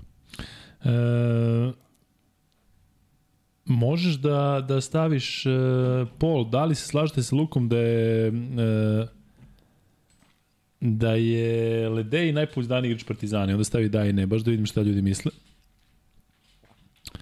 E, Kuzma, ali imaš još nešto da prokomentarišeš? Ognjeni grobar, inače... E, Nemam da prokomentarišem više ništa za Panter. donira nok, šta je nok? Norveški krun. Norveški krun. Šta je Norvežan? Da, Simke, Simke, izvini što, što se nismo videli, bit će prilike, pa makar morali da dođemo i ovo. Neko je lepo napisao, kaže, Kuzma je stručnjak za domaću, a Luka za međunarodnu košarku. Zato se, zato se i dopunjavam. Zna i Kuzma o NBA-u i ovo Izraelska liga i sve, pratim to samo, neće da, da, neće da ulazi meni u moj teren. E, dobro, idemo dalje. E, evo ga, Alen Smajlagić. 9 poena, 1 od 3 za 2, 2 od 3 za 3. 1 od 2 sa penala. 4 skoka, 2 asistencije, 2 ukradine bez izgubljene. Odmah ću da se nadovežem na Lesora. E, pritom je Smajlagić igrao 20 minuta, Lesor igrao 20 minuta. Pa da. Lesor 5 poena, 2 od 3 za 2, 1 od 1 sa penala. Da li je ovo, ovo ono što smo čekali? Da Lesor ima podršku i da li je Tako sad Smajlagić ta pada- podrška? I da, tako I da je, to i da deluje rezultat, tako, i da Tako je. rezultat ide gore. U, potpuno. I, e, za- Potpuno sa, sa racionalnim brojevima, sa, sa samopouzdanjem u šutu. On je donedavno šutirao, kad pogledaš, kao bombu da je bacio. Odjednom je to leglo, odjednom se nešto pro- promenilo. Šta se promenilo? Kod svakog dođe, nekome pre, nekome kasnije, ali on je danas odigrao najracionalniju partiju unazad dosta. E, žao mi je što neke lopte nije sačuvao, mogao je, nije ih izgubio, ali su bile izbijene iz ruke. I, ovaj, i, i, i, i mnogo znači kada Lesor mora da izađe, jer to je ipak prikupljanje snage, a opet ponavljam, ovaj, opet ponavljam, uvijek mi je bilo to opet ponavljam, ponavljam jebote, šta imam opet da ponavljam. Opet ponovo ponavljam. Da, ponovo opet ću da kažem ponovo, da je vrlo bitno da, da, da i Lesor može da se odmori i jedina kombinacija koju još nisam video, a verovatno je zavisi, zavisi od koga, protiv koga se igra, negde možda Lesor Smajlagić. To zavisi naravno protiv koga se igra, ali ovaj ali i to bi značilo Ledeju da može da i on malo sedne. Ali pričamo o tome kako Balša Koprivica fali, ili bi bilo njega, za njega mesta bilo gde u Euroligi, pored ovakve, pored sad ovakve kombinacije, Lesor, U nekom, Smajligić, u nekom, Ledej da u pomogu. nekom usponu kad je došao u Partizan i kad je počelo to da se dešava, da. Ali, ali to smo viđali, viđali smo i, i, i, i, Smajlagić je bio izuzetan na početku prošle sezone. I njegov taj uspon je bio izuzetno brz i neverovatan s obzirom da nema sezonu u nogama pošteno. Igrao je on u NBA i trenirao i sigurno da tamo mnogo naučio, ali jedno je kad igraš 60 utakmica u nizu, a drugo je kad, kad igraš sporadično. Tako da je njega povreda omela i onda u skladu s tim razmišljam nije nije ni- ne bi ne bi Balša išao baš znaš samo tako. Mora bude određeni pad e pitanje je koliko bi on trajao. Ali mislim da bi ovde bio vrlo koristan. Uh, veliki je uh, postao je hrabriji postao je odlučniji sa većom energijom je igrao taj period koji je pre nego što je se razboleo. I sigurno da bi do- doneo tu nešto. Ne ne da se očekuje od njega neki silni poen ali mislim da bi u reketu mogao da se koka sa ovim momcima bez problema. Ja, stalno pričamo o tome da e, Madar možda ima tu karijeru u NBA ligi. Misliš da Smajlagić vremeno može da se vrati u NBA ligu, pošto je tamo bio premlad u nekoj ekipi koja je tankovala? Jel misliš da je i njemu to možda u glavi? Šta, šta, je, kako ga vidiš u je njegovoj karijeri? Ti ga Ne poznaš iz, ne iz reprezentacije. Ne, ne, ja samo ovo ti kažem da ne znam, nikad nisam razumeo parametre NBA. Prosto nikad. Ja, kako bi ti rekao, Rakočević nije prošao. To mi nikad neće biti jasno. Konkurencija na bekovima je potpuno drugačija u odnosu na, na visoke pozicije. slažem se, sve stoji, ali prosto... Da, ako neko može da prođe, da. može Kočić to se... Ako nije, onda ja prosto samo kažem ne razumem način kako se bira i to je to. Je ti pričao nekad Rakac o NBA ligi u Nije, smislu nije, šta, nije, kako, gde? Nije, on- ne znam, zaista ne znam mnogo. E sad, prednost ovaj, uh, Smajlagića je što ima preko 2 metra, što oni vole pametne igrače preko 2 metra, koji mogu da pogode, mogu ovo, mogu ono, ja mislim da se on sasvim fino kotirao tamo. Uh, ipak tu kad dođe do nekog preseka, kad neko kaže, ok, nije to to, evo gledali smo, se, ili za Dorsija bilo nije to to, pa je dočekao svojih 5 minuta pa se vratio pa ništa. Dakle, redko koji što nije bio za to, Tako je, pa se da. vratio i uspeo, jer tamo si verovatno zaboravljen. Tako da, Ima primere. Ima primere da je recimo PJ Tucker. eto, znao sam, pa da, neki Kako za kojeg znao, ja, pa ovaj za kojeg nisam čuo. defanzivac u ligi. Pa da, može bude defanzivac. Može PJ defanzivac. Tucker, bre- Defanzivac može. Eto. Ofanzivac ne može. Da, i to živa istina. E, stigli smo, odnosno prebacili smo 500 like, tako da ćemo ovaj prvi free bet e, Evo da nek obrišu, da, da dođemo na 500, mora tačno 500. da brišu, da unlajkuju. E, 532 lajka i s obzirom na to da je Alan Smajlagić odigrao jako dobro, neka bude u vezi njega. Koji je pik na draftu bio Smajlagić? Dakle, samo stavite broj i ko prvi odgovori dobit će prvi free bet. E, Kuzma će to sve da, da Jednog dana da pošle. da nadoknadi. To kad Kuzma krene ima da da samo cepa. Naravno, vi koji ste juče dobili ne možete danas i imaćemo dakle 15 različitih free betova I ove me pitao nedelje. dugo da ti kažem da imamo 18.420 subscriber. Hoćeš da pozoveš sada da... Po ja ih uvek pozovem, tako da evo sad samo samo što sam pročitao oni znaju da, da ovaj, ko nije da se subscribe-uje. Dimitrije Dujčinović je napisao 39, to je tačno. Evo ga Mateja Babić, Mateja beše iz Aranđelovca, ako se ne varam, ima puno Mateja pa mi ne zameri. Ako grešim, dakle, Smiley je bio 39. pik, Mateja piši na... Mateja? Ne, Dimitrije. Dimitrije, da. Dimitrije Dimitrije, piši na- Zna Dimitrije, Jeste, lukakuzma.gmail.com. Da. Idemo dalje. E, Janis Papapetru trojku ono dao, igrao je samo 6,5 minuta. Neko je ovde napravio to poređenje da kada Naneli igra dobro, da, da to možda malo Papapetru um, nešto oduzima, da tebi delo tako? Ne, opet se vraćamo na ono što malo prepričali. Ja, Nanel igra dobro i ništa se ne pita. Nema oduzimanja nikome. I tu je kraj rečenice. Nanel igra dobro i tu je kraj rečenice. Ušao si šest, dao si trojku i ištamo nekoga, igrao si 10, dao si trojku i ulaz i prebio nekoga, igrao si 13, potpuno je sve jedno. Tako da, Ja, ali mnogo mi je drago što recimo Papapetru igra 6 minuta, Avramović igra 3 minuta, može i bez njih. Dakle, nije ono sada, znaš, ranije razmišljaš, pa Papetru neće igrati, pa će to biti samo problem. na, recimo jeste, kupu sad kao, jeste, pa dobro, samo evo, na dugoročno, utakmica. samo na dugoročno je bolje da to nije 6 i Naravno. 4, nego 8 i 7.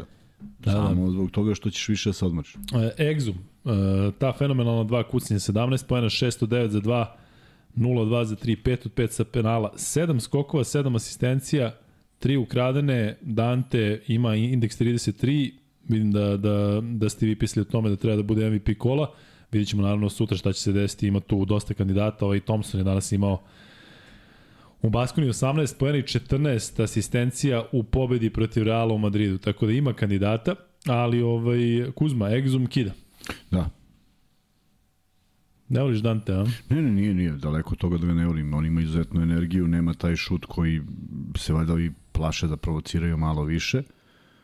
Uh, uspeva, iako svi znaju da prođe u svoju omiljenu stranu, to kad prođe jednom, kad te uhvati u tom koraku, ili je faul, ili je... Kako bi čuvao ti Exuma? Sad si ti u... u Ne bi nikad otišao desno. Ja bi učinio sve da on apsolutno nikada, da me pobedi sa 18 poena zakucavanjima u levom driblingu. I da svi znamo da kad on primi loptu, cela odbrana se okrene u desno. Znači, usmeravao bi ga u levo toliko očigledno da Tako, ne, da ne, bi, postoje mu- ne bi mu da- dao, ako već, pošto svi preuzimaju na kraju, je tako, svi preuzmu, ja bi to preuzimanje izveo tako što bi tačno pokazao telom gde da ga čeka čovek, ja bi stao i čuvao njegovog. Pošto se ne bojimo šuta za tri, stao bi bezobrazno ispod čoveka i već bi bio spreman na to da dođe do preuzimanja. I ako on to uradi sve u levo, ja skinem kapu i kažem svaka čast, ali smo pokušali nešto da mu otežamo, tako?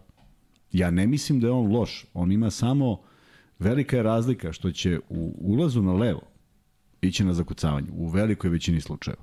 I to hvata onaj među korak, ne ide, ne ide do kraja koša. A kad ide u desno, uvek naslanja na tablu, ukoliko može zakuca, naravno, zakucava. Ali je toliko evidentno da traži desnu stranu i da uspeva da prođe, možda ja grešim, možda je to sve u redu. Matijas Lesor, 5 poena, 5 poena, 2 od 3 za 2, 1 od 1 Izvini, za... samo, samo, samo. ima, ima moment u utakmici, pazi sad ovo. Moment u utakmici kada je on na levoj napadačkoj strani i obilazi u desno. Pa možda je nezaustavljiv. Si o tome razmišljao? Potpuno jesam, A? da, ali morao bi da prođe kroz mene jedino onda ako bih hteo u to desno. Ne, ali sad bez zezanja, ono deluje s onom građom da zaista i, i taj kontakt da je prilično jak, da on Sve u redu, krene, da sve u je, redu. znaš, ako ti nisi postavljen i ne odbiješ faul u napadu, da on E, jednostavno i probija. jeste, u, u tome jeste. Ako nisi postavljen, ako nisi postavljen, on će proći u desno. Ali ako ti znaš da je to ono što on bira, otežaj mu, kako smo konstatovali za Britance, tri levaka i svi su završali na levu stranu. Pa završi na desnu, majku mu položi desnu, pa makar smo otežali da to nije isti šut. Tako da, eto, u tom Nisi verovao da ćemo toliko pričati o Britancima. Pa, kako bi ti, zaista se vratim na ono da smo, da smo stvarno, eto, Mića nam je bio tu toliko puta gost, bili smo zajedno kod Ivana, mi smo znali sve o njemu. Svi koji smo morali ga čuvamo, znali smo sve o njemu i o Brki. Prosto znaš koji su mu običaj. Mića, evo sad, Mića desno, kad krene ide, na, nikada Mića Berić nije naskočio dva driblinga u reket i šutno, nikad. Se, se sećaš toga? Pa prosto Ne baš. znaš, pa to kažem, prosto znaš šta se dešava i onda bude, mora budeš spreman na to i rizikuješ nešto. Da li si rekao i za njega i ne- za Brkića da ste znali sve, a da su opet trpali? Kako ne, pa zašto ima najbrži izbačaj? Ti ako si zakasnio za stotinku i taman da znaš šta, šta god hoćeš, a on je primi i šutne, ti si u problemu. Znači ti mora ga uhvatiš u među koraku da bi ga naterao na ono što ti želiš da ga nateraš. E onda biraš, da li hoćeš da ga teraš na šut ili hoćeš da ga teraš na prodaj. Ali znaš šta radi, to je poenta. Luča kapitan kaže Egzom jedan od jačih stranaca ikada. Potpuno se slažem. Ko bi rekao da će Australijanac e, da, da, da tako donese Ja mislim da on pre ih, svega, kad ja mislim da on pre svega nije donao, me- meni je na primjer Panter lepši igrač. Fizički ovako lepše izgleda. Ne, lepše igra. Znači ima dva, ima tri, ima prodor, ima sve. Kompletnije, hoćeš da kažeš. Da, ali ovo kad je jedan od najboljih, sigurno sa najvećom energijom stranac u, u Srbiji. Sigurno. Jer on nestaje. On igra u istom ritmu. Prvi minut, 48 minut, 112 minut, on samo cepa. I, I to je ono što mu, što mu daje tu snagu. I on će u 40 minutu ići na isti takav ulaz, baš kao išao. Što je išao i završavao, prema tome sa tim se slažem. E, Srđan Dulović e, kaže nešto što sam ja krenuo da, da odnosno hteo sam kasnije, kaže Luka može komentar na 47, ali čul slušaš, 47 pokušaja za dva Partizana, ubedljivo najviše od svih ekipa danas, a i inače. I samo 18 puta za 3, ali to Željko potpis, realno ta polodistanca izumire. E, mislim, baš ono što sam rekao, Partizan je otvorio šutem za 3 i u jednom trutku su videli da može da se otvori i ostalo u napadu. Dakle, Partizan sada može da igra kako utakmica nosi, Evo ga Miksa. Te si Miksa? Ne vidite Miksu, Miksa je tu pored nas. Hm. Ovaj, e, ali mislim da i što se tiče odbrane, da je Partizan u stanju ne samo da se da se adaptira na protivnika, već jednostavno da utakmicu Željko usmeri onako kako treba, da nije to sada ono taktika, napravili smo, skautirali smo i sad ćemo da igramo tako, pa ako ne ide, mi ćemo i dalje tako, nego je u stanju Partizan da se potpuno o, onako u toku utakmice na bilo koji nač, način e, da promeni šta god treba i odbrani u napadu i to ono što mi se dopada, zato što je Partizan šutnuo šest trojki u prvih ne znam koliko minuta i do kraja je šutnuo 12. Nije bilo potrebe jednostavno. Ona, svaka čini mi se da je Partizan danas imao potpuno rezonski šutev. Nijedna trojka, možda jedna Aleksina ili tako nešto, ni, ili kad isticao napad. Nalazili su dobre pozicije. Jel ti deluje da Partizan izgledao igranije nego u posljednjih, evo, od kada je došao Željko, sad u ovom periodu. Zato što prošle godine je u Eurokupu bilo svega i svačega, a sad ove sezone stvarno deluju, deluju da, da znaju šta A, radi. očigledno je taj proces trajao toliko dugo i ajde da vidimo sad da li je to to, zato što, zato što dolaze utakmice u kojima će to biti najvažnija stvar. Da ne podlegneš pritisku, da ne kreneš opet da vraćaš u istu priču. Evo, sećaš se koliko je bilo uspona i padova sa pravljenjem faula. Pa pomisliš, uh, sad su, sad su sve sveli, bilo je savršeno i onda dođe sledeća utakmica i ti imaš pet na, na šutu za dva. Sad danas ih nije bilo. Ako je bilo, bilo je zašto mora. Nije niko napravio neki glup faul tako što nije razmišljao. A onda do pre samo mesec dana se pravio faul kada si u bonusu. Pa kao pogledaš, ja nisam znao. Znaš, možda stvarno treba neki period da prođe da legne.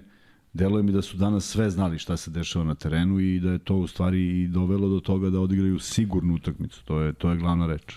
Jako dobra stvar za Partizan, e, što ovaj moj drugar kaže, to neće moći sigurno tako do kraja sezone, matematički nije moguće, ali Partizan ima kompletnu ekipu. Pričali smo da Balša nije tu, ali pitanje je da li bi on i kakvu bi ulogu imao u Euroligi.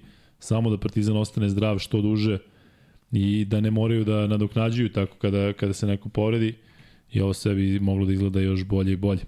Idemo dalje, Kuzma, dolazimo do Jamesa Nanelija, 18 poena uz samo jedan promašaj za 2, 7 od 8, 1 od 2 trojka, 1 od 2 sa penala, jedan skok, dve asistencije, jedna izgubljena za 28 minuta. Ta njegova trojka uh, deluje da je bio možda najbitniji moment u završnici. A startuje sa dva faula u početku utakmice i pomisliš da će ga to poremeti. Tako da Naneli u suštini ono što mislim da ga... Piše da ima jedan faul. Piše da ima jedan. Mm. Možda nije on napravio. Ja sam bio ubeđen da je on napravio jedan pa drugi da je zato izašao iz igre. Ali ovaj nisam nije bilo ton, nisam slušao sa tonom, pa ovaj pa pa zato nisam znao ko je napravio. U svakom slučaju nevažno.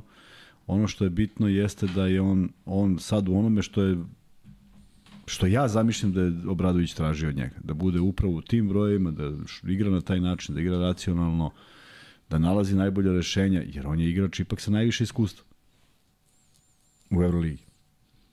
Mislim da niko nije igrao takvu ulogu i nije sarađivao sa takvim trenerom kao što je on, prema tome samo je nekako došlo sve na svoje posle isto turbulentne sezone gde je bilo i ovoga i onoga, ali evo sad moment da, da, da vidimo da li Partizan može, da, da li to može da traje. Da li je ovo, ne, ne mogu kažem da je ovo, slu, ovo ne može da bude slučajno, da se razumemo, nego samo je pitanje koliko to može da traje, jer dolazi zamor materijala, dolazi pad koncentracije, dolazi sve ono što što inače dolazi, tako da kako budu ove važne utakmice, a ne znaš više koja nije važna, jer sad si, sad si rekao, dakle, ide se ovaj, Armani pa Zvezda, tako?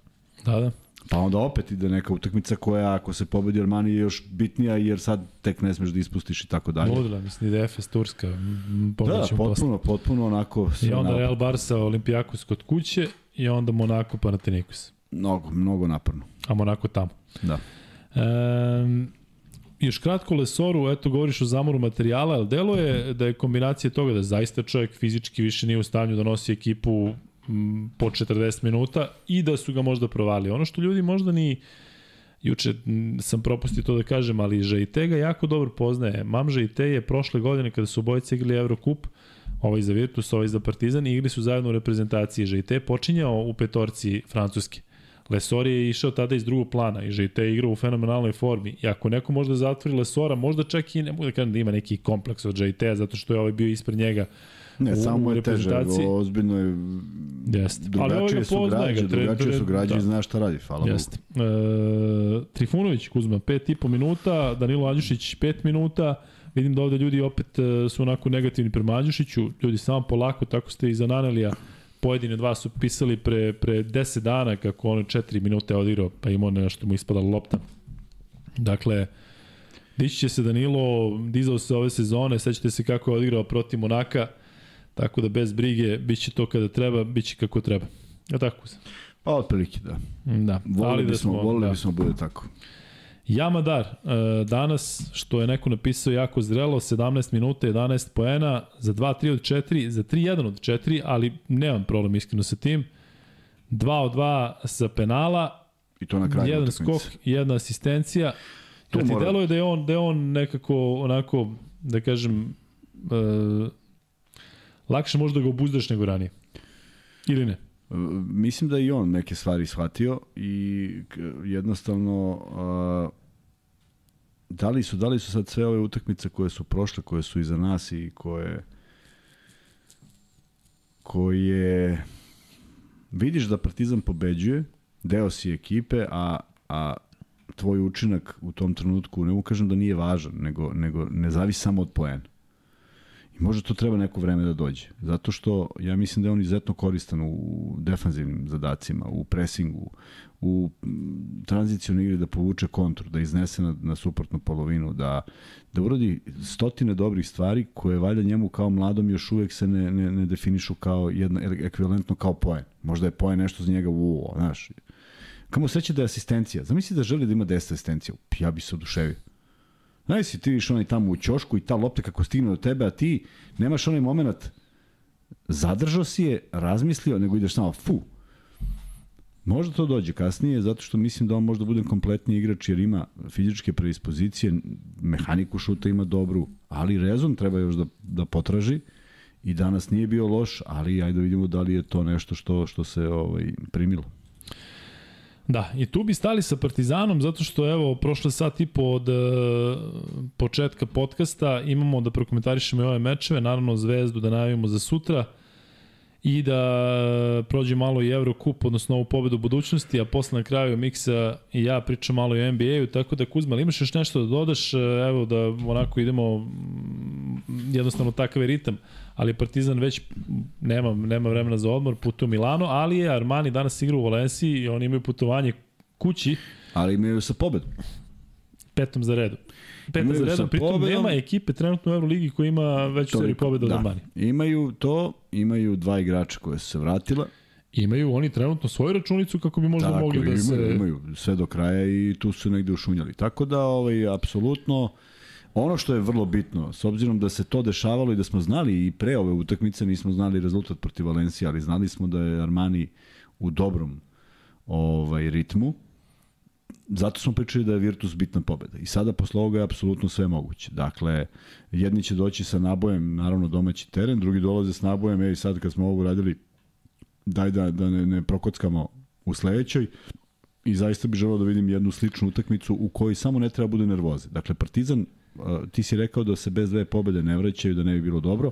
Ja mislim da je 1-1 sasvim korektno, zato što je rasplet utakmica ipak povoljan. Znaš zašto sam samo govorio? Zato što posle da, da to nadoknadiš kao što ti voliš da kažeš protiv Reala, Barse, Olimpijakosa mi deluje... Da... Ovo su dva gostovanja, yes. nema šta da naknađuješ. Ti sad ali ti imao ispod tebe. Jeste, ali ti si ukro pobedu na gostovanju. Pa to, to što su oni ispod tebe, to je stice okolnosti, zato što Armani ne deluje kao ekipa koja mu treba bude ispod bilo koga a oni jesu ispod mnogih. Ma kante klasično. Tako je.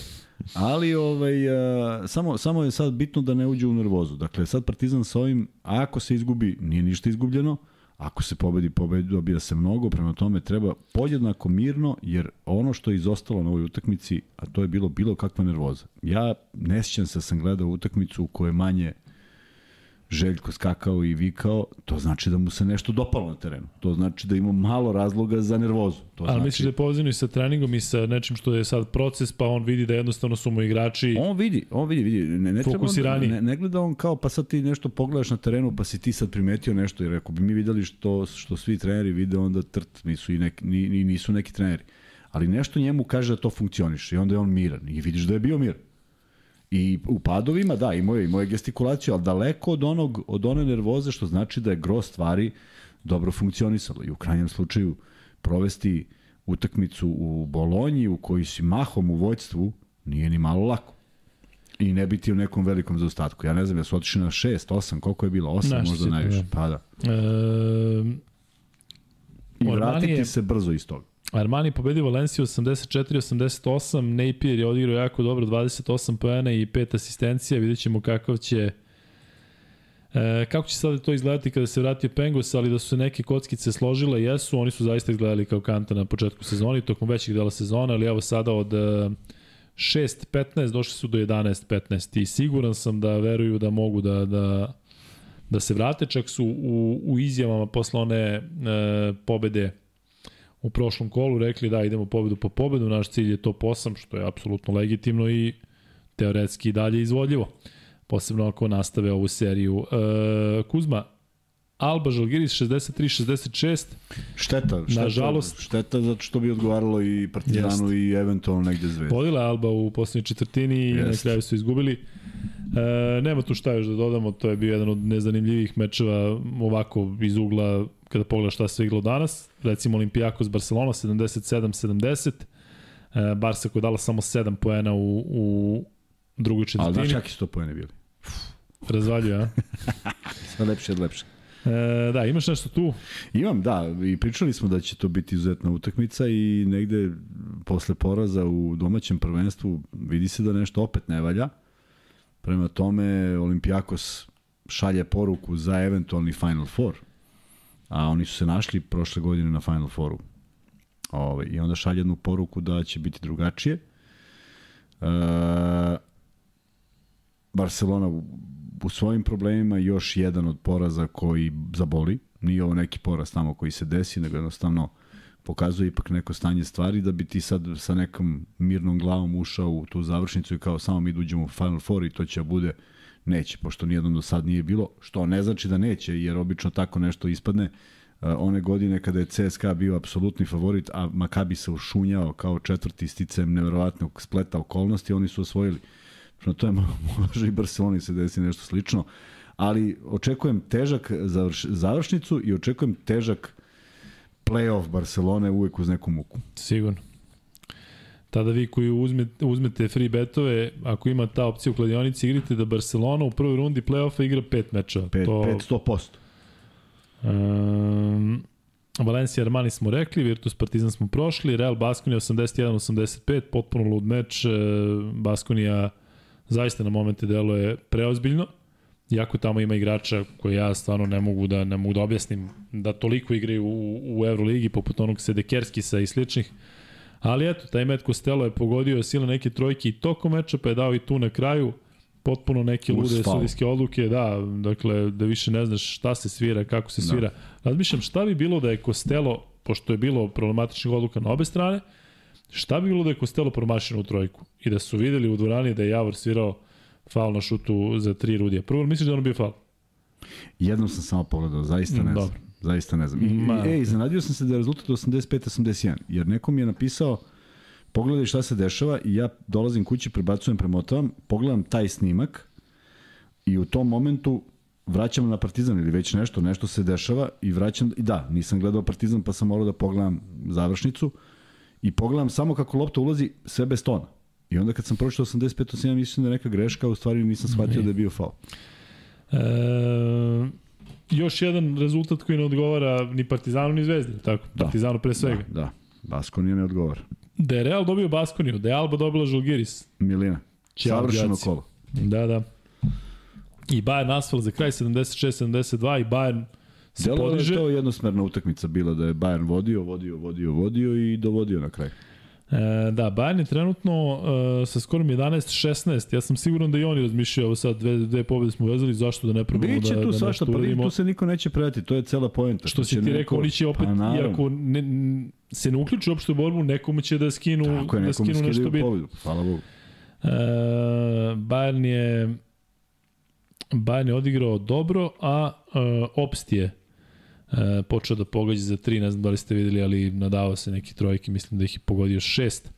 Evo ga Sale Ristić i kaže podcast se gleda i sa klupici ispred kripto arene. Memphis dolazi za dva sata, obzervacija broj ljudi koji nemaju respekta pre svega prema vama, pa onda i navijačima suprotnog tima je alarmantan. Vreme da se pročisti ovo malo. Miksa, čuo si Sale Ristić kad kaže to znači da, ovaj, da mora, da.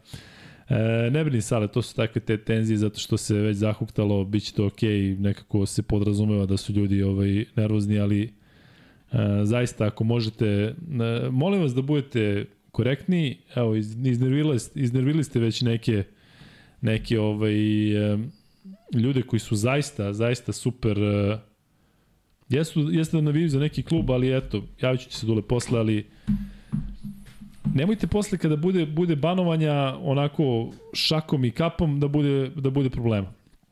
Zato molim vas da, da, da, da se suzdržite I za, lajkujte, za bezobrazluk. I lajkujte. Da, to što hoćete da pišete, vi to onako usmerite da. ka lajku. I vi koji ste najnervozniji, donaciju obavezno. Tako je. E, pazi ovo, volio bih da mi Luka odgovori koga bi uz eventualan prolaz Partizana u top 8 izabrao za e, protivnik Olimpijakos, Barcelona, Real, Monaco, Fenerbahče. Pa iskreno izabrao bih Monaco ili Fenerbahče. Zato što ovo su ipak klubovi koji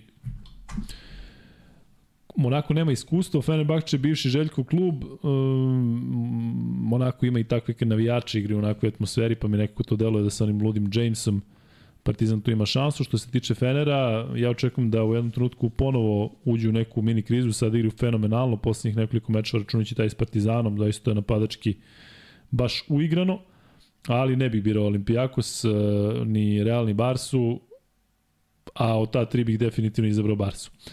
Mislim da je E. najbolji pristup protiv Monaka ne konstatovati Jamesa uopšte. Znači on kad primi loptu ti se odmakneš. Ali dogovoriš se i sa sudijama, kažeš ništa, ništa, pusti ništa. ga. Ne, ne, uopšte, ne, ne, on radi i kad god on primi ti pobegneš od njega. Ja mislim da bi on počeo dubi na glavi, samo da...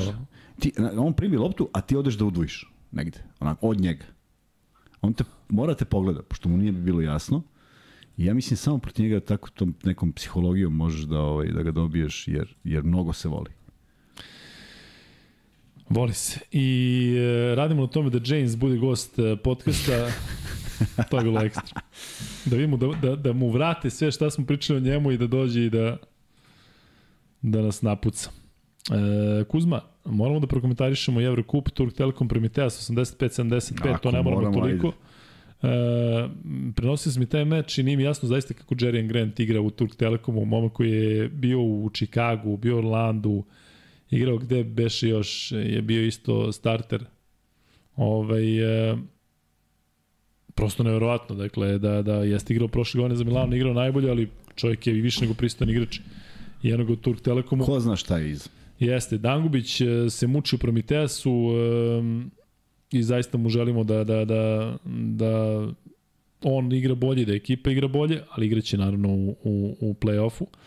I budućnost Hapolo 89-79, budućnost koja je jedna od najozbiljnijih ekipa u Evrokupu pregazila, tokom celog meča su kontrolisali, kontrolisali duel, na kraju su primili u posljednji četvrtini 28 pojena, ali kad je već bilo rešeno Kuzma, ali ti delo je pritom opet prazna dvorana, To mi je najgori utisak zato što se ništa ne menja.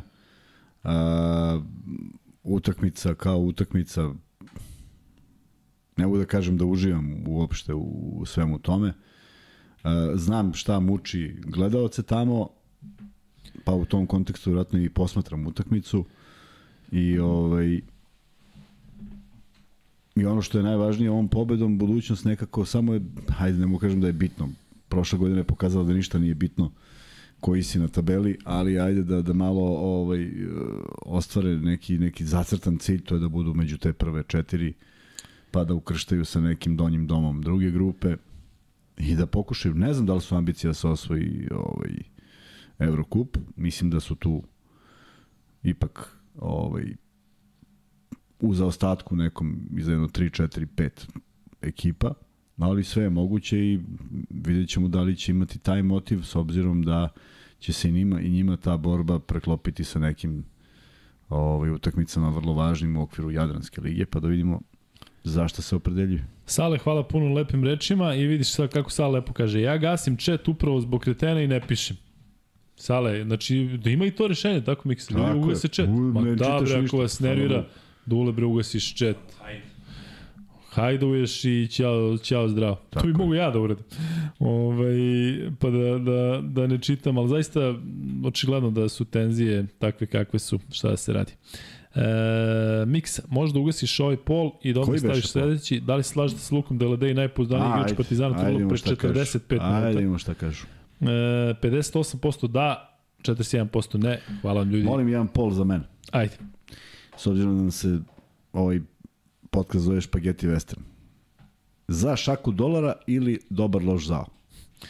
I vaš četvorice koji budete glasali, pazite. Pa neka je četvorica. Stavi e, miksa za šaku dolara ili dobar loš zao. E, ti si planirao da o Zvezdi pričamo negde oko 3, a? Ja ništa nisam planirao.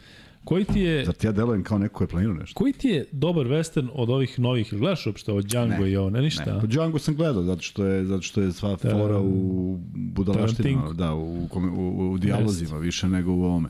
Ali sam nedavno gledao neoprošteno i stvarno ga nisam, gledao sam ga tek još kad je izašao sa Clintom Eastwoodom, ali ovaj, dugo nisam gledao nešto. I gledao sam skoro Plesa Vukovima, mada on ne spada u kao, On je kao klasičan, bojci, da. indijanci. On je A malo John Wayne ili Clint Eastwood? Šta pre Clint? Eastwood.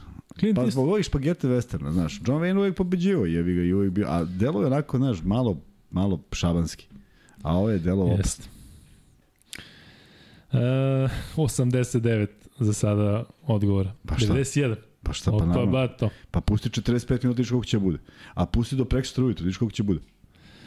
E, old school kaže Luka kad- mora interakcija sa gledalcima. Jeste, slažem se da mora a, old school, ali e, morat ćemo više da banujemo da bi, da bi interakcija bila bolja. A ako neko ima interakciju sa gledalcima, imamo mi Evo, ovaj, e, reci samo ako Omar Gabriel Batistuta gleda da pošalje on broj, pa će mu se javiti ja. Nek pošalje na, na luka i kuzma.gmail.com. Gde si dopisivao sa njim? Ovo iz Dragiša Mišovića. Na Instagram. E, na Instagramu, nek ti pošalju u svakom slučaju broj, pa ću se ja javiti posle da vidim da li je tu i pokažeš mi sliku da, da vidim gde. je. Kuzma, prelazimo na zvezdu ako nemaš ništa protiv. E, umeđu vremenu, da, dobro, imamo ovaj Kuzmin e, kvazi pol, pa nek stoji to neko Oči su vreme. kući, sve ok, nisu ništa uradili, može biti svakog sata povratak nazad. Super, Vidimo se na basketu na Adi. živi bio. E, pa i sad, Zvezda igra protiv Efesa. Je li tako Kuzma? Tako je. Danas je Ivanović u izjavi za sport klub, ja inače to gledam da izbegavam da, da ovo ali sam zakačio vamo, jer neću da nešto prekopiram, da nešto čujem ako je neko i ta studija i sve to. Sad ja treba da ti pitam nešto što te pitao neko u studiju, šta je, šta je, neki napada, neki Aj, aj. Ovaj, koliko poraz od Cibone može da utiče na dalje dešavanja i konkretno na ovu utakmicu? Taj poraz je bio pre manje od 40... Dobro, da, da, da, da. Bio je prekič. Uh, nije, nije sam poraz bitan. Mnogo je bitan uzrok. I to je ono što smo pričali pre neki dan. Ako, ako se ne nađe uzrok, onda ništa se neće ni desiti. Ako se vidi uzrok, ako se proceni šta je, kako je Zvezda došla u situaciju šutna 41 trojku, a nije to radila do skora, nije mi jasno. Protiv ekipe, uz svo poštovanje, jednostavno ne mislim da je to ekipa koja je sad izmislila neku posebnu odbranu i naterala ove da ne mogu da, da, da istrače kontru ili da, da uđu u reket. Ovaj, ima tu nekih sto, sto pitanja zašto i kako, ali ja mislim da, da, da, da, da glavna stvar koju, koju jedino mogu da kažem to je da apsolutno, kao što smo sad analizirali Partizan i shvatili da je osam igrača, sedam igrača bilo tih koji su iznali utakmicu, tako moraju Zvezdi. Ne može 12 igrača da iznese utakmicu. Koliko god bi ja želeo da svi igraju da sve to lepo, naviko sam i znam trenere kako funkcionišu i ne možeš da imaš poverenje u toliko igrača i moraš da se opredeliš i kažeš ok, ako ide, ako ide dobro, ide dobro, ako ginemo, ginemo sa ljudima u koje imam poverenje.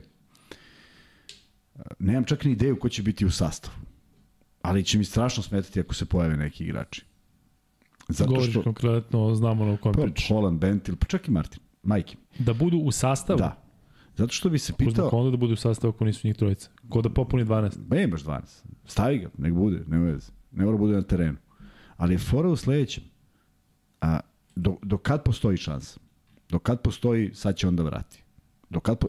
Ja razumem da je to dobra igra. Evo, ja razumem da ti vidiš čoveka na terenu koji leti, koji le... a ne možeš pogodi koš. A šta ako na treningu zaista to dalo drugačije? I ti ga čekaš na utakmici? Je moguće da je ta opcija? I bilo je takih igrača, onda je pogrešna procena od starta. Sad ja ne znam da li je to tako. Ja, ja bi bio presjećan kad bi imao igrača koji tako igra, pa bi ga nekako, nekako bi doprao do njega. Zato što je to za mene jedino objašnjenje, da zaista na treningu nešto i ti se kažeš, ajde, daj da, da ga Ne znam čekam. zaista. Jel, ako je ta opcija da na treningu isto ovi delu kako delu na utakmici, Pa vidi, ti, da ti, ti neki igrači koji su bili fantastični na treningu, kad provali trener da su fantastični na treningu, tek onda ih ne konstatuje jer ga iznervira što su fantastični samo na treningu. Tako da ne, ne želim ni da mislim o tome, niti znam, niti sam prisutuo treninzima, niti bilo kakvu informaciju imam. Samo znam da uh, je ovo sad moment koji je prošao onaj moment kada ti režeš i potpuno se slažem što on prvog dana nije preseko i što sedmog dana nije preseko i što 27. dana nije preseko i što je sve vreme vrlo tolerantan i pokušao da izvuče maksimum, ali ali mora da ima kraj. Ne može kraj da bude 16. juna kao, e, završila se sezona, ok, sad ćemo presečemo. Nema, nema, nema smisla mnogo.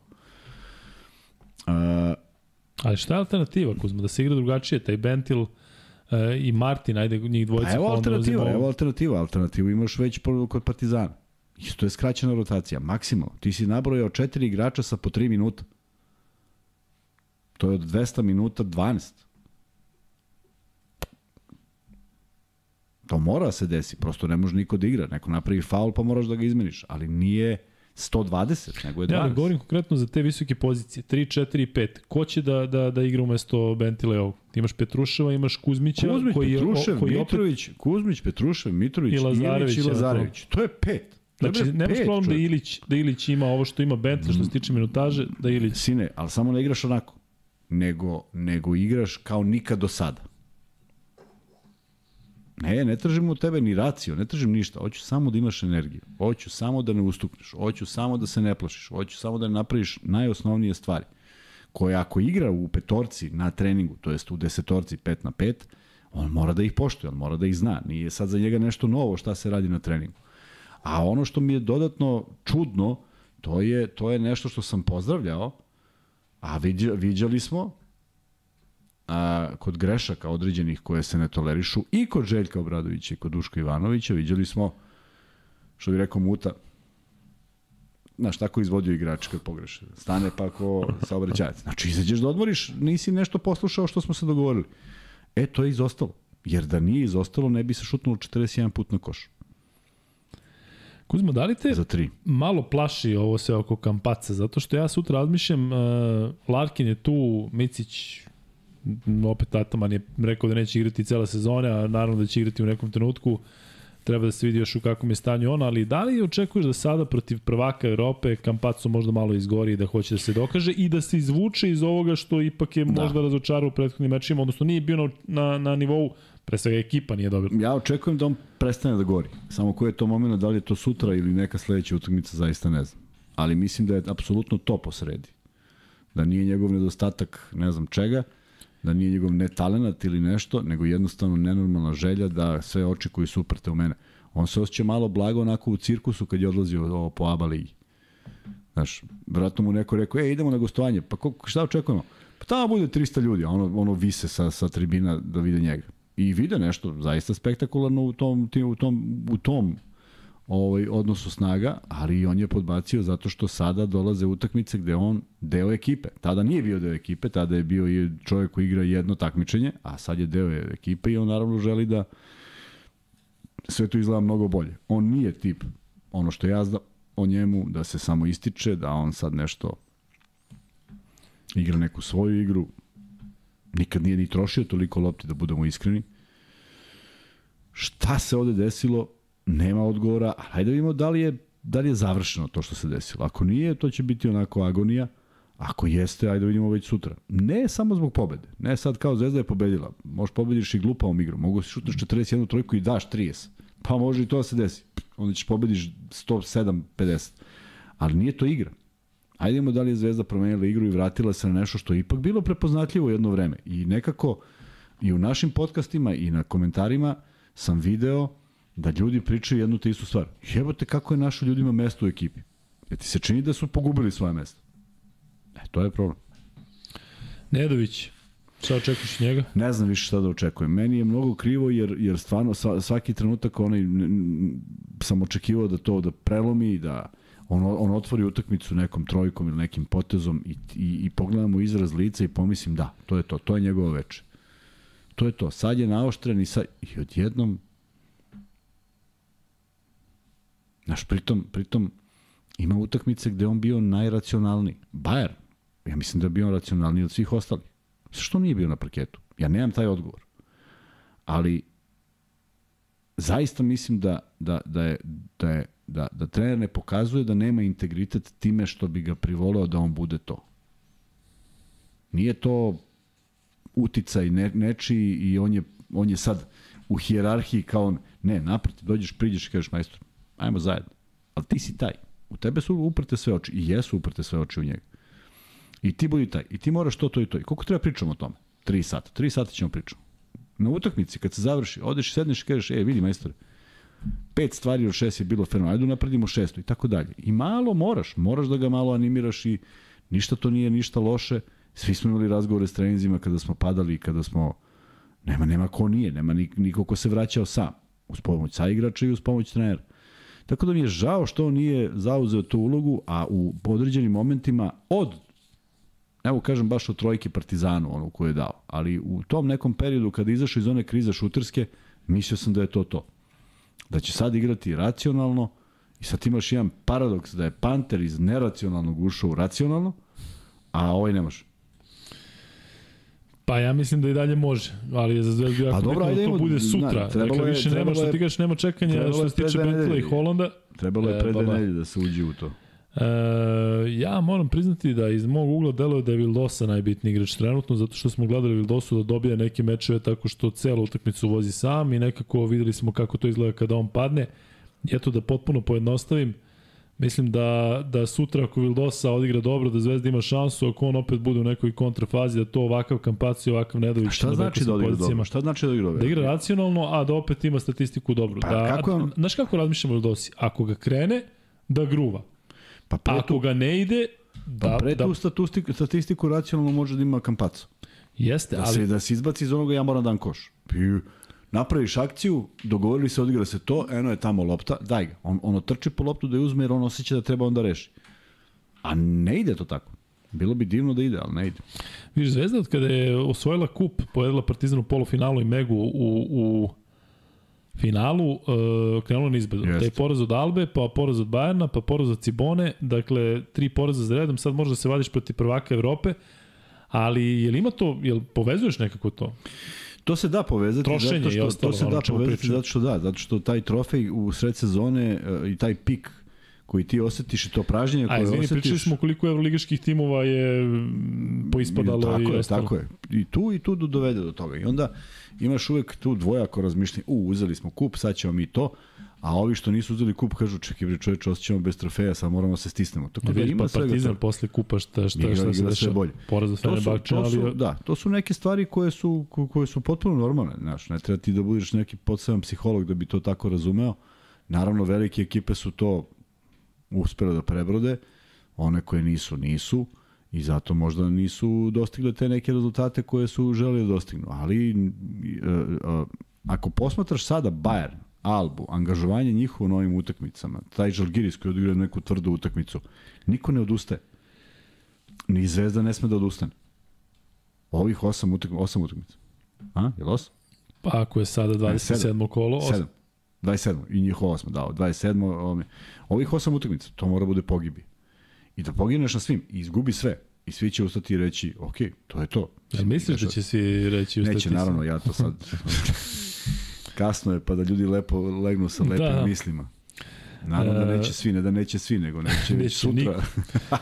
E, Kuzma, ajmo malo o Efesu. Dakle, Efes je ekipa koja je opet e, bila u nekim problemima, pa se podizala. Evo sad imaju četiri pobjede za redom, ako računamo i Tursko prvenstvo i Euroligu, međutim te pobjede su neki bile baš tesne. Teška muka. I ima nekih odluka od nas prethodnim utakmicama koje su ih malo pogurale, onaj faul Klajburna koji nije sviran i tako dalje. Tako da to jeste težina koju nosi Efes. I, ovaj, I nije iznenađenje, ali daleko sam opet od verovanja da je to sve bilo planski, ni, ni, ni prošle godine nije bilo planski. Nije, Da ali li nije ni prethodna, ali liči, njihova svaka sezona liči na sledeću. Oni ne To igraju, je, ne igraju, pouđu to- jedno top 8, pa, pa- onda odjednom pobede nekoga i uzmu Negde- prednost domaćih terena i Jeste, ali negde na ruku tome ide zaista neverovatno čudna utakmica protiv Reala, gde mislim da je podbacio Pablo Laso. Final. govoriš da, ono, posljednjih 5 minuta smo pričali, pričali smo pa men, Baš da. ništa mi nije bilo jasno. Tako da, kada pogledaš samo tih 5 minuta i završnicu finala i to da više nije trener e, Reala, nekako, znaš, možda je neko rekao, možda je neko Perez rekao, da. čekaj, brate, šta se ovde desi? Moguće, Džaba moguće. cele sezone radimo tako je, ovo, tako je kad smo ovde. na stranu njegovi zdravstveni problemi posle toga. Tako je. Ali, ali eto, desilo se i ta košarka je pobedila i možda, možda, možda najružnija utakmica nekog play-offa, da se ne lažemo, s tim što smo svi bili sreći što je Vasa rešio, pa ti lep osjećaj. Da, kad, smo nemaš gledali to- pa da, objektivno. Da. Šta nas briga, da, što... Ali, ali nije delovalo to kao neka košarka, ne bi mi palo na pamet, e, ja pogledam kako je to izgledalo ponovo. A imaš, Da, imaš, si, a imaš utakmice u sezoni koje bi volao da pogledaš jer su bile spektakularnije i tako dalje. Prema tome, Uh, oni imaju svoje probleme što su sad nagomilali tri igrača koji imaju ipak svoj, svoj veliki izražen ego. Srećom, srećom po njih, pa je ovaj jedan bio povređen. Uh, inače bi tu bilo možda i većih turbulencija. Neki su se igrači potpuno izgubili. Ipak se promenio taj sastav u odnosu na one godine kada je bilo zaista kozmetičkih promena, sad ima ipak nekoliko novih igrača i nisu ubedljivi i ne bi me iznenadilo da i oni dožive ovaj neki pad, da to ne bude baš sve kako su oni planirali, jer onda će doći do nervoze, pošto su navikli na ovaj sistem, sad oni kao ubacuju drugu brzinu. Na prvoj utakmici na koji ne budu ubacili u drugu brzinu, bit će problem. I može da ih odvede u jednom drugom pravcu, vidjet ćemo da li su mentalno tu dovoljno jaki. Mislim da Zvezda, da bi dobila uopšte utakmicu, mora da uđe u ozbiljnu tuču, Fizički mi se rokaju u krv, fizički se rokaju noževi, prvo, sevaju. dakle, sve da seva, da Klajbur ne pomisli da krene ulaz bez nekog na leđima. Da, da Koliko se... misliš da je on bitan, bitan u ovoj e, ekipi Efesa gde imaš šestoricu igrača takođe ekstra klase? Ja ti Klajbor Bitan je- neka bitna karika? Bitan mi je zato što on misli da je bitan. I on ima ozbiljne, ozbiljan broj lopti uzima. I ima jako tež, težak šut za branjenje. Ali meni deluje da je on narušio baš takvu Pa igru, zato što je on došljak Pa jeste, u pa da, ekipu pa jeste, pa koja je da ovo, kažem, sad imaš ovu šestoricu koju igri prošle godine, Tako igraju je. svoje. Tako je. Sve stoji. Ali on sad uzima te neke šute koje jako teško branite. Ako uđe u seriju, onda si u problemu. I ja bi ga terao da ide svaki put na ulaz i da prolazi kroz moje centre i da jednostavno ne može da šutira sam. Neka traži rešenje, neka dodaje loptu. On nije navikao da dodaje, baš kao što ni Berenelli kad treba dodati, to izgleda jezivo. Tako da ovaj, sigurno bih pokušao da ga poremetim u toj igri. Za tako nešto je potreban ozbiljan fokus, ozbiljan pristup, ozbiljno razmišljanje. Zvezda ima igrače na spoljnoj poziciji koji to mogu da rade. Da li će, ne znam. Verovatno Lazić neće igrati. Da se vratimo i na tu temu. Eto, ako neko smatra da Lazić i dalje ne treba da igra u Zvezdi, pošto ne postiže dovoljan broj poena, evo ove dve utakmice, neka zamisle da je možda bio tu. Znaš šta bi se desilo? Bar pet trojki manje bi bilo šutnuto, što je već dovoljno dobro. Znaš šta bi se bi neko drugi... Pa ne bi šutnuo. Došlo bi do njega pa bi vratio. Ili bi, ili bi ubacio nekom u reket. Prema tome, uh, verujem da bi izgledalo bolje, a pritom ne verujem da bi Kapusta baš toliko puta otišao do kraja. Možda bi dao neku trojku više, ali ne bi otišao četiri puta na levi ulaz bez problema.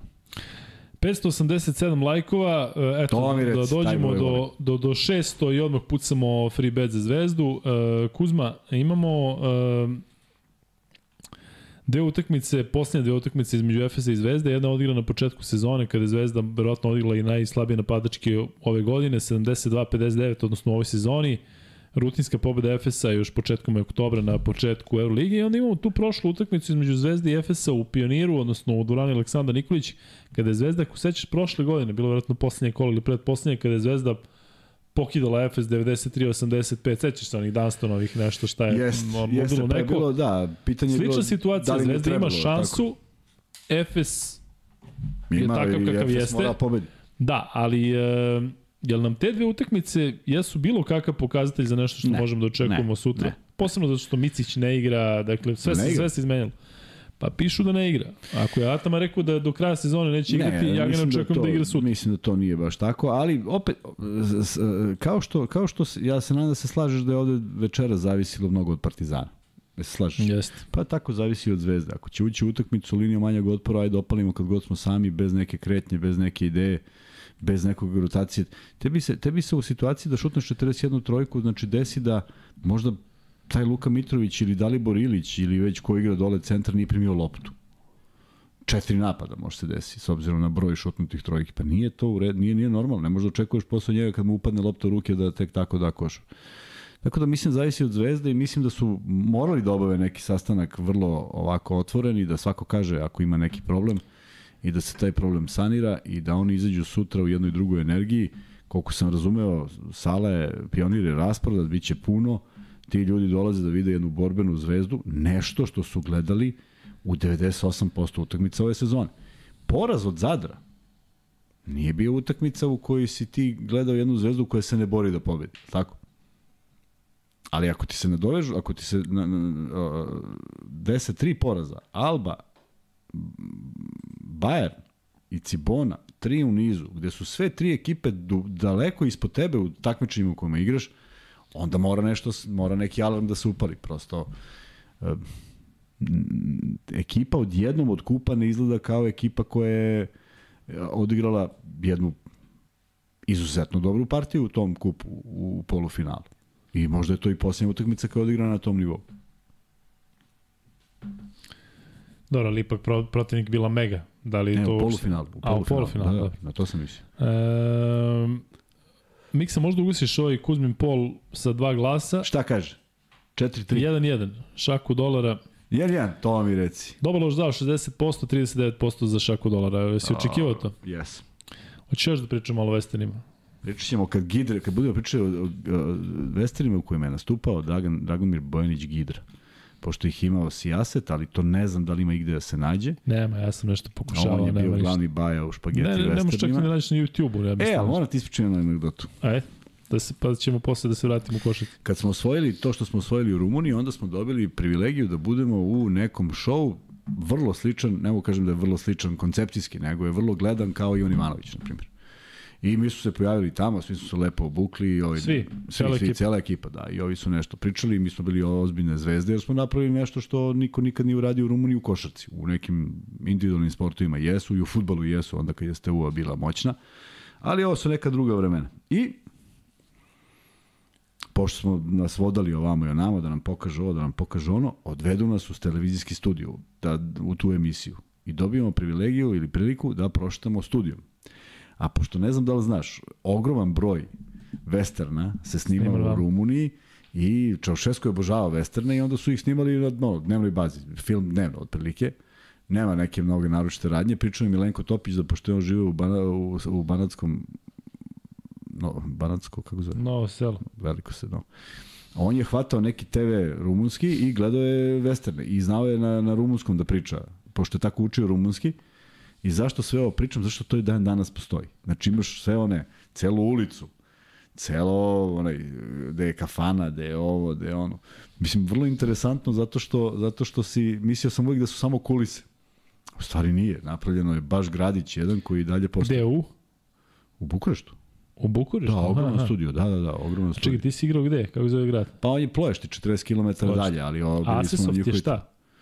kompanija bila. Kompanija? Privatno, da. Da. I, E, eto, da. I onda sam setio i kad sam nazvao Špageti Western, prošlo mi kroz glavu to da je neki nenormalan broj filmova sniman i da je to bila scenografija. Hoće za četvrtak da bude naslov Špageti Western drugi deo. Pa je nego, zar, Podrazumeva nije to, zar nije to nešto, ovaj, Zato si ti da bi olakšao sebi za, za Da. dva dana kasnije. a onda kad treći deo. Dragoljub Nikoletić kaže, Luka, pozdrav iz Bolonje, slušam vas sa stanice gdje čekam voz za Milano u 5 ujutru, odužite koliko god možete. Svaki Majstor. čas Dragoljub je bilo još vas koji ste se javljali iz Bolonje, ali ne može od Kuzme da se dođe do reči i ne može da se pročita sve. Ja čim sam vidio da tako oni je. pišu ja namerno. Vi recimo znate ono kad je Kuzma bio bolestan i kad sam ja radio sam, znate da sam tada pročitao sve komentare. Dakle, to je A zato baza je glasa. trajao taj podcast Tako. Pa da, ja čitam ovde i ponavljam. E, Kuzma, da se vratimo Zvezdi Efesu. E, Efes je ekipa koja je dugo na okupu. Dakle, svi igrači koji su tamo, osim Klajborna i možda još jednog dvojice, su, su igrači koji su osvojili Euroligu, koji znaju da znaju kako da igraju ovakve utakmice. Ko misliš da je tamo najbitnija karika u slučaju da Micić ne igra? Dakle, govorimo, zato što ciljam na to, taj okršaj potencijalno e, Larkin Kampacu, ali znam da ti recimo voliš Plajsa, on je meni neki jedan igrač Ne, koji, mislim- kojeg ne znam kako će ga čuti, recimo, Da. ko će ga čuva? Petruša. Pa, njega, da, Kuzmić, moguće. njega Kuzmić ne može da čuva. Ovaj će, ovaj će imati istu direktivu ako bude igrao da svako koju primi pali, da širi, da to bude rupa u reketu i da se uzda u to. On je i napunio zvezdu u toj jednoj utakmici, pa na kraju nije igrao, nije mu bilo jasno zašto posljednju četvrtinu nije na parketu. Ali meni se najviše tu u nekom tom ovaj, e, sastavu, ne računici Vasu, ovaj, Boboa. Jeste. Dakle, to je toliko jednostavno, on tako deluje, kod prilike kao kad ovaj kaže, aj sad daj dvojku, on da dvojku, aj sad daj ulaz, a on ulaz. Tako deluje. Deluje da igra izuzetno, rat, ne da deluje, igra izuzetno racionalno, samo je pitanje koliko on nekada provede, provede vremena, jer mi to nikad neće biti jasno. Nikad mi nije jasno zašto ne startuje, nikad mi nije jasno zašto igra 7, a ne 27 minuta, ali nešto tamo postoji, u što se mi ne razumemo ili ne znamo, tako da meni uvek strah preti od takvih igrača Da se koji razumemo uđu u Atamana, to ne može se koji razumeš. uđu, znaš oni koji uđu iz trovale 15 pojena nisi ni primetio da igrao. E, to je najveći problem, tako da a, a, a, Zvezda mora da bude maksimalno spremna i ne samo ofanzivno, nego defanzivno. Kad kažem defanzivno, mnogo je preuzimanja bilo protiv Cibone bez ikakvog razloga. A, kada se preuzme imaš odgovornost za taj čovjek koji je ispod koša, ne, ne primi loptu tako lako, ne da koš tako lako, a to se sve dešavalo. E, prebacili smo taj 600 like tako da možemo da ispucamo e, da ispucamo drugi free bet.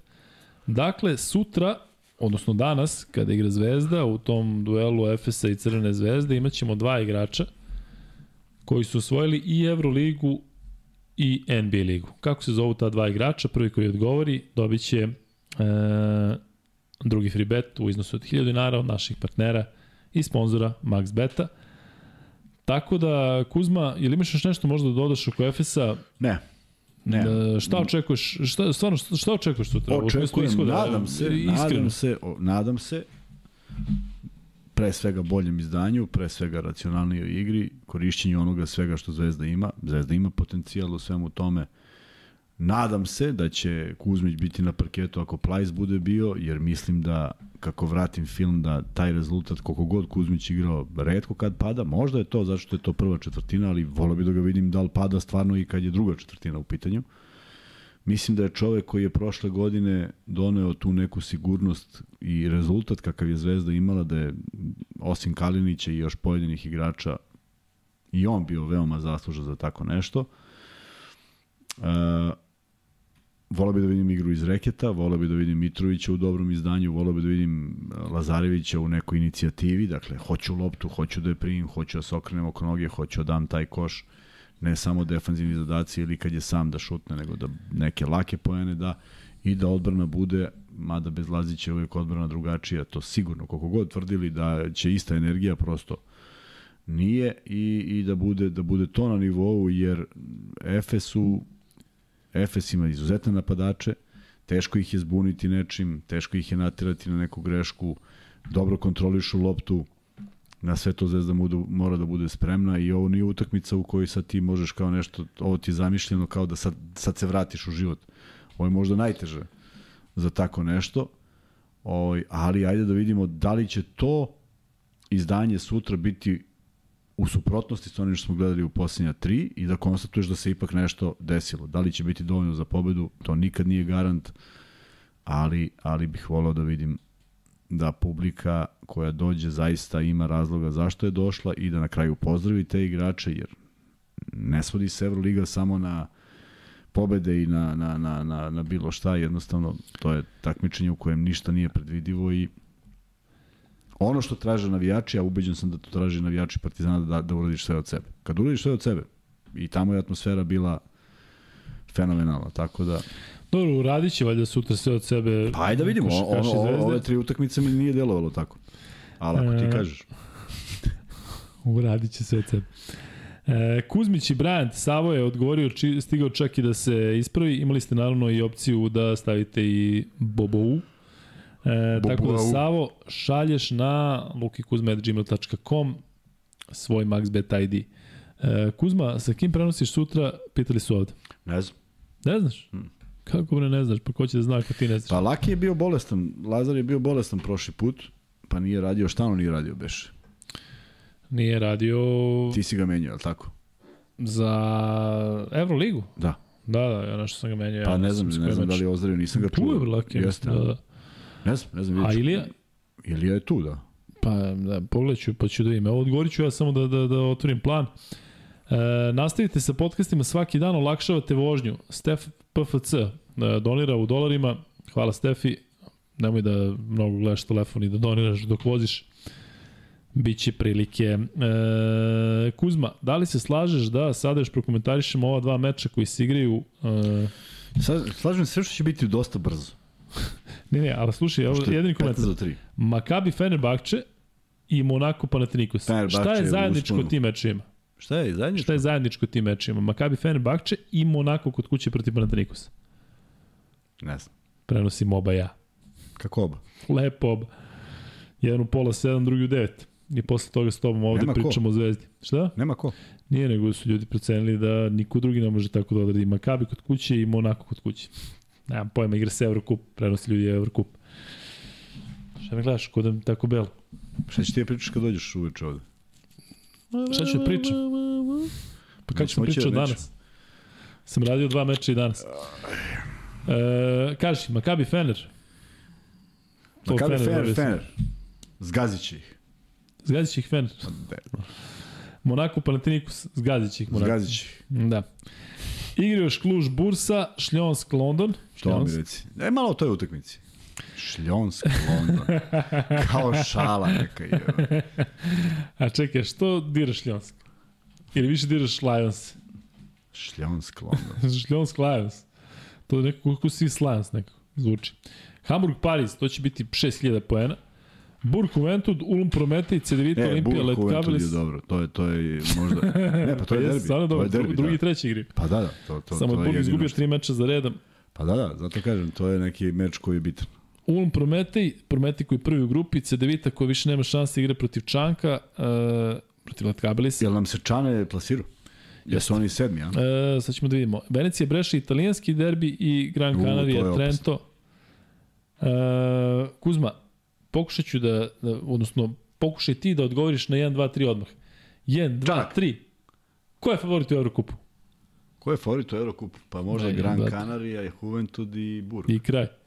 Burg, Pa ne, zbog toga što tu gde jesu, ne da što su dobri. Letkabelis, da, 7-7, Kluž 4-10, tako da 7-7 ide. i koji su? osmi, a Kluž ispod 4-10 i Cedevita 1-19. I idu na prvog, a? Pa idu na prvog, ali nema veze. To, to Gran Canaria, oni nisu u njihovoj grupi. Jeste, da, ali mogu da oni budu i, i, I i igra jači. se gde? Polako, bre, šta si zapeo u tom play-offu, ima se odigraju još tri meča, a u toj grupi e, ne moraju da budu u osmi, zato što isto 7-7, pored Letkabelisa ima i Bursa, a 7-7 ima i Breša, 7-7 ima i Venecija, mora neko da izgubi. Ima neko da nema 7-7. Pazi, Čanak ako, pazi ovo, Čanak ako sutra dobije, Treći. pa Burg ima 8-6 na treći. Da, da, pa eto. Neverovatno kako je uzbudljiv. E, Pol, da li hoćete još da pričamo o Evrokupu? Da, I da se dignemo u vazduh? I kad, kad 2000 bude glasalo, onda ćemo da ga počitamo.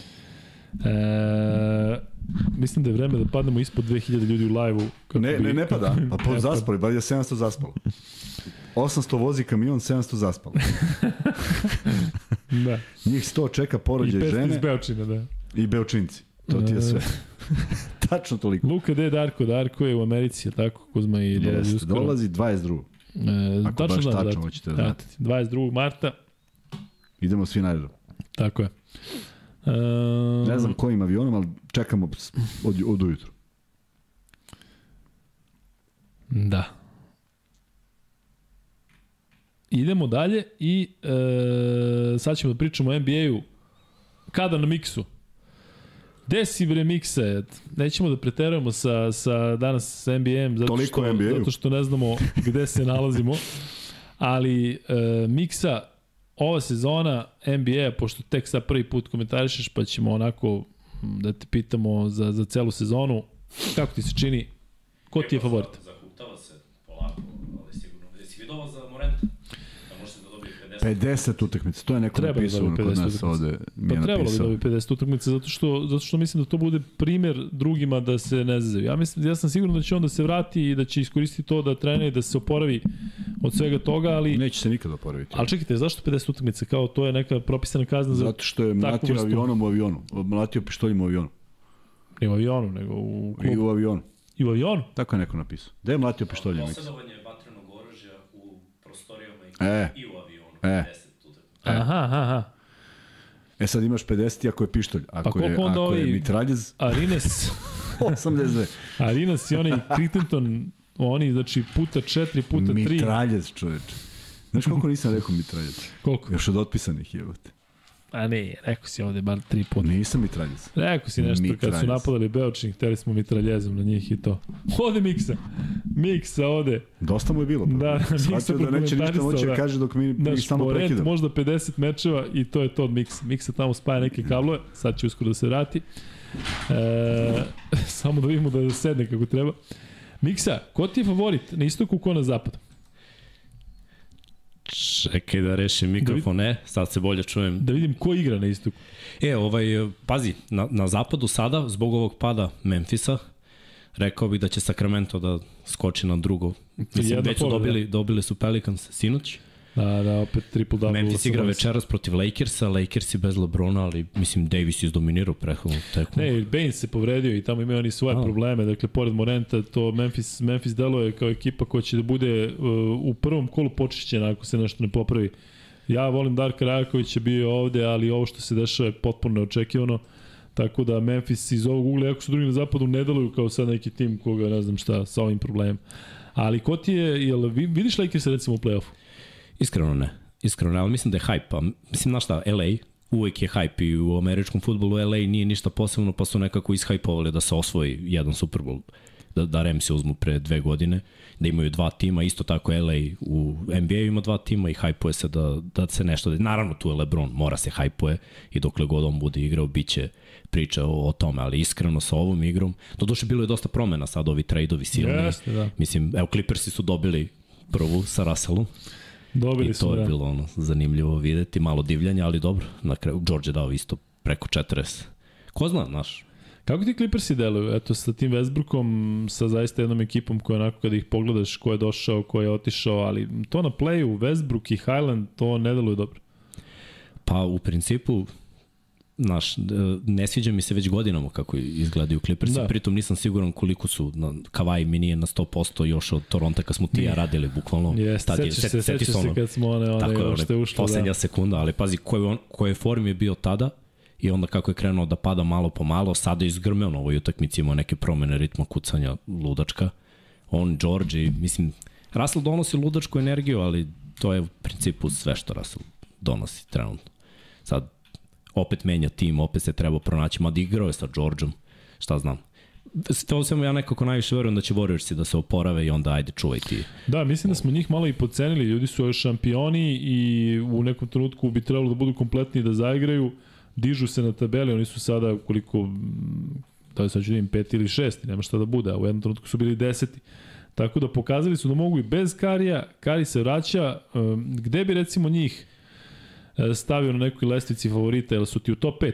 Pa jesu. I iskreno sada očekujem da Memphis pada, da se Phoenix malo podigne. Phoenix Sigurno, je iznad njih. Da. Phoenix je dve pobjede iznad na četvrtom, da.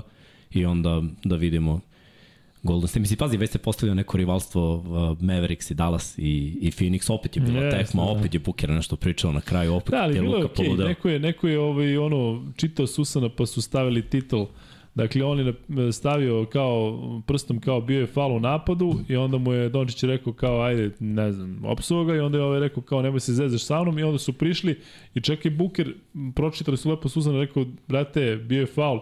Znači nije bilo toliko strašno, ovaj više mislim da je malo onako predstava, ali definitivno je to posle onako prošlogodišnjeg e, e, polufinala zapada definitivno postaje, postaje neki rivalitet, ali evo konkretno kada pričamo o Dallasu, e, jel njih vidiš e, kao neke ozbiljne konkurente, ja ih apsolutno vidim, iako ovo, ovo nije delovalo dobro kada je došao Kairi, ali mislim da sa njima dvojicom bilo bi neozbiljno da ih otpišemo u nekoj, nekoj, nekoj varijanti. Ako su ovi prošle godine igli finale zapada bez Kairija, valjda sada možda odeš i možda korak dalje. Da, Tako pa ne, ne možemo da ih otpišemo jer ne znamo ko će biti protiv njih. Znači, oni su sada na mestu broj 7 yes, i zavisi da. ko im naleti. Pa zamisli da leti Memphis koji bude treći ili Sacramento, pa ili, ko ti je favorit u tom? Da? Znaš? Da, Dallas. Apsolutno pa, Dallas to. u toj situaciji, ali da. ako se eventualno popne Phoenix, pazi ni to ne smo ništa da kažem, jer yes. ne znam u, u kojoj je fazi Durant Mada sad na ovoj utakmici je bio onaj klasični, nezaustavljiv yes, KD. Da. Tačno delo da je u modu u kojem je redko kada bio u Brooklynu za ove četiri godine, tri i po godine.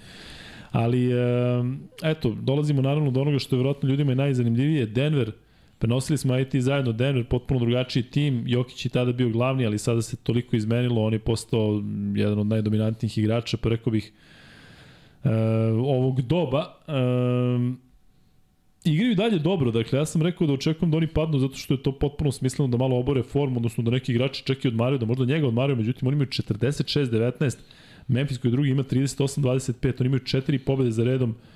Kako ti to sve vidiš, Miksa? Je, dobili su i Toronto. Mislim, Toronto je respektabilna ekipa. Jeste i igrali su onako protiv njih solidno. U finišu su dobili, opet protiv tih ozbiljnih ekipa znaju u finišu da, da zategnu. Ali ljudi su kako se svi igrači, za Memphis, naš. mislim dobro, ovo se desilo u Colorado, ovo sa Morentom, ali Memphis su pobedili, ja sam očekio tu sa Memphis kao podine počela posljednja četvrtina, bio egal, opa, odošao i na, na kraju bilo 20 razlike. E, pa Memphisu se ovaj Clark centar povredio. Yes, on je pokidao da. na, na početku tekme Ahilovu, ja mislim. I, Da, da, znaš, da. on je eksplozivan i može da, da posluži u toj nekoj rotaciji na, na čuvanju petice. Bez njega, pazi, M nema njega, M sad nema Morenta, ja njih otpisujem u potpunosti. To nemaju šta da traže. Da. Ali Denver, znaš šta, dobro je, Marej se vraća i sinoć ima opet one njegove karakteristične šuteve fadeove iz okreta, opet na prodorima, onaj up and under, sve one vratolomije što je radio pre nego što se povredio. To, to je dobro za Denver, jer znaš što fali sve vreme i sve, pri, sve priča o MVP, a šta u play-offu? Ne može dečka igra sam u play-offu, mislim. Da, ali meni recimo bitniji igrač Gordon, bitni mi je igrač Bruce Brown, zato što Mare je e, Sajla koja će jednom da, da odigra ići na 50 plus poena, sledeći put će da promaši 20 šuteva, njegovu nesigurnost ne volim baš, baš, ali ovaj, čak i Porter Junior koji uzima manje šuteva i u stanju je da uđe u dobru seriju, meni su oni e, koliko mogu da dobro donesu Denveru, mislim da su jednako problematični kada krenu da soliraju zato što Denver sa Jokićem nije ekipa gde ti trebaju takvi igrači koji će da šutiraju po svaku cenu. Znači, Jokić, Jokić dešava se da šutne 6-7 puta po meču ako je takav, takav, takva situacija, takva protivnička ekipa. Ali evo, ovaj, ajde da vidimo, ja svim srcem navijam za Denver, to svi znate, ali sam, imam blagu dozu skepse Pa moramo da imamo, znaš, zašto godinama gledamo i baš smo Jest. pristalici i navijamo, naravno, i onda ti je uvek poraz kada, kada se ne desi. Bilo je jedno finale zapada, ali ta ekipa baš nije mogla. Naleteli su na Golden Jest. State prošle godine, mislim, prošle godine Golden State je bio cheat code. Realno bilo je teško pobediti. Tako da ova, ova godina je prava, znaš, ali mora da bude Mare, mora da bude neko ko će ponekada da izdivlja kada sve drugo stane, znaš, neko u bekovskoj liniji ponekad, ne uvek, on ima te epizode kada misli da mora uvek, to što Kuzma i, i pominje za neki igrače koji misle da mora i uvek, ne mora uvek. Misliš, ovaj Kuzma koji spava? Gde je? Da li Tu ga je, pusti? tu je. Da ga Pusti, pusti, pusti ga. obično, pazi, obično zna da, da učestvuje nekako, ali sad više nije stanju. Da, Neću da, poremeti da, miksu na prvom, to, na to, prvom to. radu. Da, da. Drugi već. Hvala Kuz, hvala Kuz. E, imaš još nešto, e, E, pa- Miksa, pa da završamo neki, No, nešto što god imaš, pomenemo- tema. Pomenemo Milwaukee, Milwaukee sad igra i, i vodi bez Janisa, tako da meni Milwaukee, nisam, nisam rekao na istoku, eto, to, to mi je nekako. Mil- Boston, mislim da je Milwaukee u finalu, ko- kako vidiš to, recimo da je finale istoka, E, pa, sve se, 6-7. pa kao prošle godine. Napeto do samog kraja. Da. Biće bitno ko je koliko zdrav. Mislim da, da je to isto jako važno. Ko, ko bude Da, to, bio to kompletan. zaboravljamo, ali sad se po- povredi neki igrač koji je bitan za ekipu, bilo koju i cela sezona pada u vodu. Zamisli sad recimo u, u Dallasu se povredi Luka Dončić. Šta će da Kairi da izvuče ili piši propalo. da, da ne dajem još neke drastičnije primere. Doduše New York mi recimo deluje kao ekipa kada bi se Branson povredio da bi, da bi sve stalo, a možda ne mora da znači, zato što su proigrali tamo neki igrači. Ali, ovaj, eto, zamisli Sad Lakersi bez Lebrona da su u play-offu i da idu na neku ozbiljniju ekipu. Ili recimo Durant se povredi u Phoenixu i onda opet ostaje ovi, a, iz, a izgubio si neki igrač u tom trade. Pa baš još još, još svi daju gas. Znaš, sad, sad je Jeste. trenutak NBA, mislim, kog prati zna da je posle All-Star vikenda u stvari najbitnije da se uđe u pravu formu i tako tempiraš Da, formu da. za, za playoff. Naročito ovih posljednjih deseta godina, mislim da ono sve pre toga je i ovaj load management i sve što su sad smislili te nove forice, kako se igra, Jesu, baš kako se forice. prati statistika, mislim.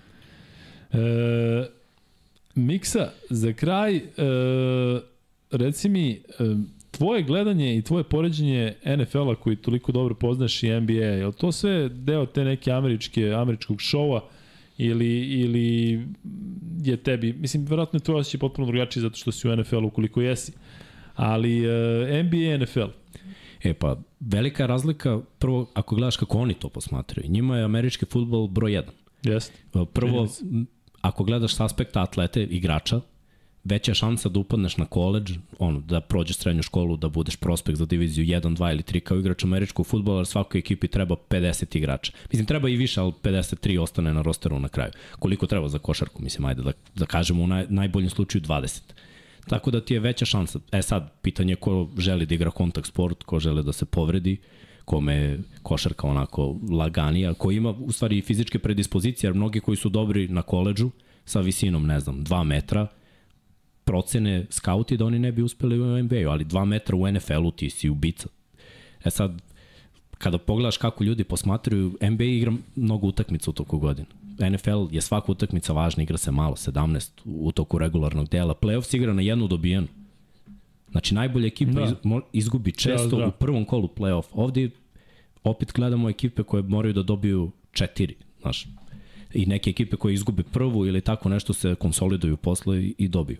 Tako da, nije uporedivo baš, ali NFL teži nečemu što je NBA uspostavio, a to su ugovori. U NBA su ugovori, tako da NFL igrači stalno pričaju da jure tu NBA Da, da. i kintu. Pa dobro, ovde su zaista organizovani dobri igrači, ali toga ima u NFL, uopšte ne znam. Tek sada. Tek, Tek sada, sada kreće, tek sada ja. dobijaju da, da. da. sve to. Tako da NBA tu prednjači baš dosta. Što se tiče novca, što se tiče osiguranja igrača i čini mi se da sve sada više igrači postaju zvezde i sve više igrača koji igraju NFL dolaze na tekme u gradovima da igraju na, na NBA utakmici i obrnuto. Stalno Da. vidiš ono na NFL utakmici NBA igrače koji sede on u prvom redu i meni se to sviđa. Ja, ja to podržavam. Ja sam uvek, mislim, ja sam igrao američki futbol, volao sam da odem na košarku, moji drugari igrali i rukomet, odem na rukomet da gledam. Mislim, to mi je sve cool, to podržavanje međusobno. Mislim Da, da, da. da toga mora da ima. Jeste. E, Mikse, hvala ti šta da ti kažem. E, Bićemo tu, pričat ćemo o NBA-u, pa možemo i svakodnevno ove nedelje, nećemo mnogo da dužimo, posebno kada budemo radili u petak u jedan, a ti pre toga radio ovaj NFL podcast. Ali eto, e, kako se tebi čini ovo, ćeš moći da pričaš, ti se dopada, a? Easy man. To mi reci Miksa. Kuzma, imamo još uh, jedan free bet uh, i ti Miksa možda staviš pol samo da, da, da vidimo šta ljudi kažu, da će stavi da li hoćete da treći free bet bude i onda prva opcija neka bude NBA, druga Lukine košarkaški i treća Kuzmine košarkaški.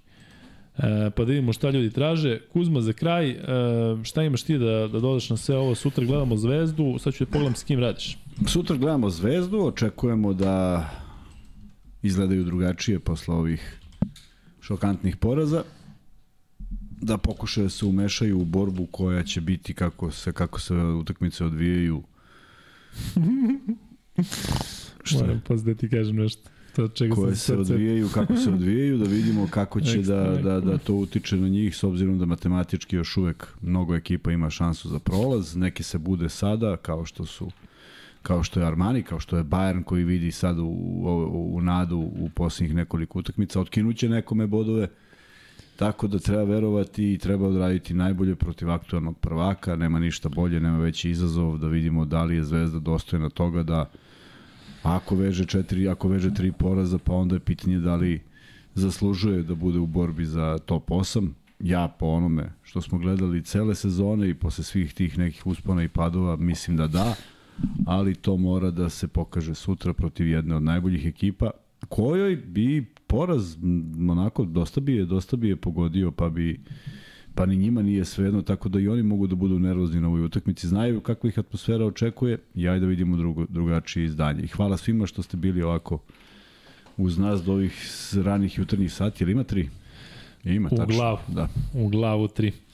E, tako da to je to. Imamo dakle treći free bet, uskoro ćemo da ga ispucamo. Ili imamo još nešto Kuzma da kažemo? Dakle, molim vas ako ste u mogućnosti donirajte za Maju.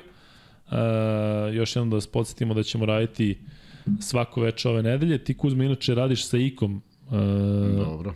sutra, što je potpuno očekivano. I da kažemo da ćemo e, sutra raditi od e, 23.45, koji je minut gore dole. E, u četvrtak radimo odmah čim se završi Partizan i u petak posle 99 yardi oko 00.30, tako da e, u najgori varijanti ovo će biti taj najkasniji termin. Ali hvala vam puno što ste bili bili sa nama u ovom broju i večeras. E, možeš mikse da ugasiš pol da vidimo šta su ljudi rekli. Jako uzorak mali, ali da vidimo da li će treći free bet da bude NBA, Luki neko šarkaški ili Kuzmi neko šarkaški. NBA. Dakle, da bude NBA. Mikse, hoćeš ti da ispucaš nešto? Ili imaš nešto u glavi ili hoćeš da, da smišljaš, ne smišljaš? Hm? Prepuštam tebi. Dobro, ajde ovako. E, neka NBA free bet bude sledeći. Koje tri ekipe su trenutno najslabije u ligi i samim tim su u varijanti za taj prvi pik na draftu, odnosno da uzmu Vembanjamu? Koje tri ekipe u NBA ligi, računajući istok i zapad, su trenutno najslabije u ligi i ko prvi odgovori dobija taj treći free bet koji će Kuzma da uplati u nekom trenutku, odnosno da pošalje. Kad ustanem preko sutra. Tako je. E, I čekamo dakle taj odgovor pa da zaista zatvoramo lagano. 1872 čoveka i dalje u live Kuzma u 3.02. Kakvi su to kraljevi, a? Ja, apsolutno. I jedno čekamo da sa vama se družimo e, da se družimo svih zvezda. Nadi. Na utakmici svih zvezda, bukvalno tako. Ili će biti nadi, šta misliš Kuzma? Nema, pa mislim da je jedno. To, je, to su najbolji tereni, samo ćemo vidjeti kada budemo ovaj, zaista i krenuli u to. Mislim da i neće biti komplikacije. E, tri poslednja tima su Detroit, Houston i San Antonio. I to je, rekao Ilija Živodinović, dakle naš dragi Ilija Živodinović dobija e, treći free bet. Ilija, ako neko zna koja je opcija, znaš ti. Ljudi, meni ostaje da vam se zahvalim što ste bili u ovakvom, u ovakvom broju sa nama i da vam se zahvalim što ste bili više od dva i po sata sa nama. Dakle, uh, vidimo se već... Imam ja uh, samo još nešto. Ajde, ajde, samo da kažem da se vidimo u 23.45 danas, dakle u sredu. Kaži. E, naši prijatelji zamolili su nas, a i mi smo ovaj, promašili, da je, pošto su nam poslali ovaj Breoganov šal, da je junak, to je najbolji igrač 21. kola, bio Nemanja Nenadić. Koji igra za Breogan. Pa šta smo promašili, samo nismo to... Nismo ništa promašili, nego nismo rekli sad nismo, juče. Da. Tako da sam hteo da kažem danas. Baš lepo. Kuzma, imaš još nešto za sam kraj? Ne, više nemam, apsolutno ništa da kažem. 144. podcast je gotov, Miksa zatvore i vidimo se sutra.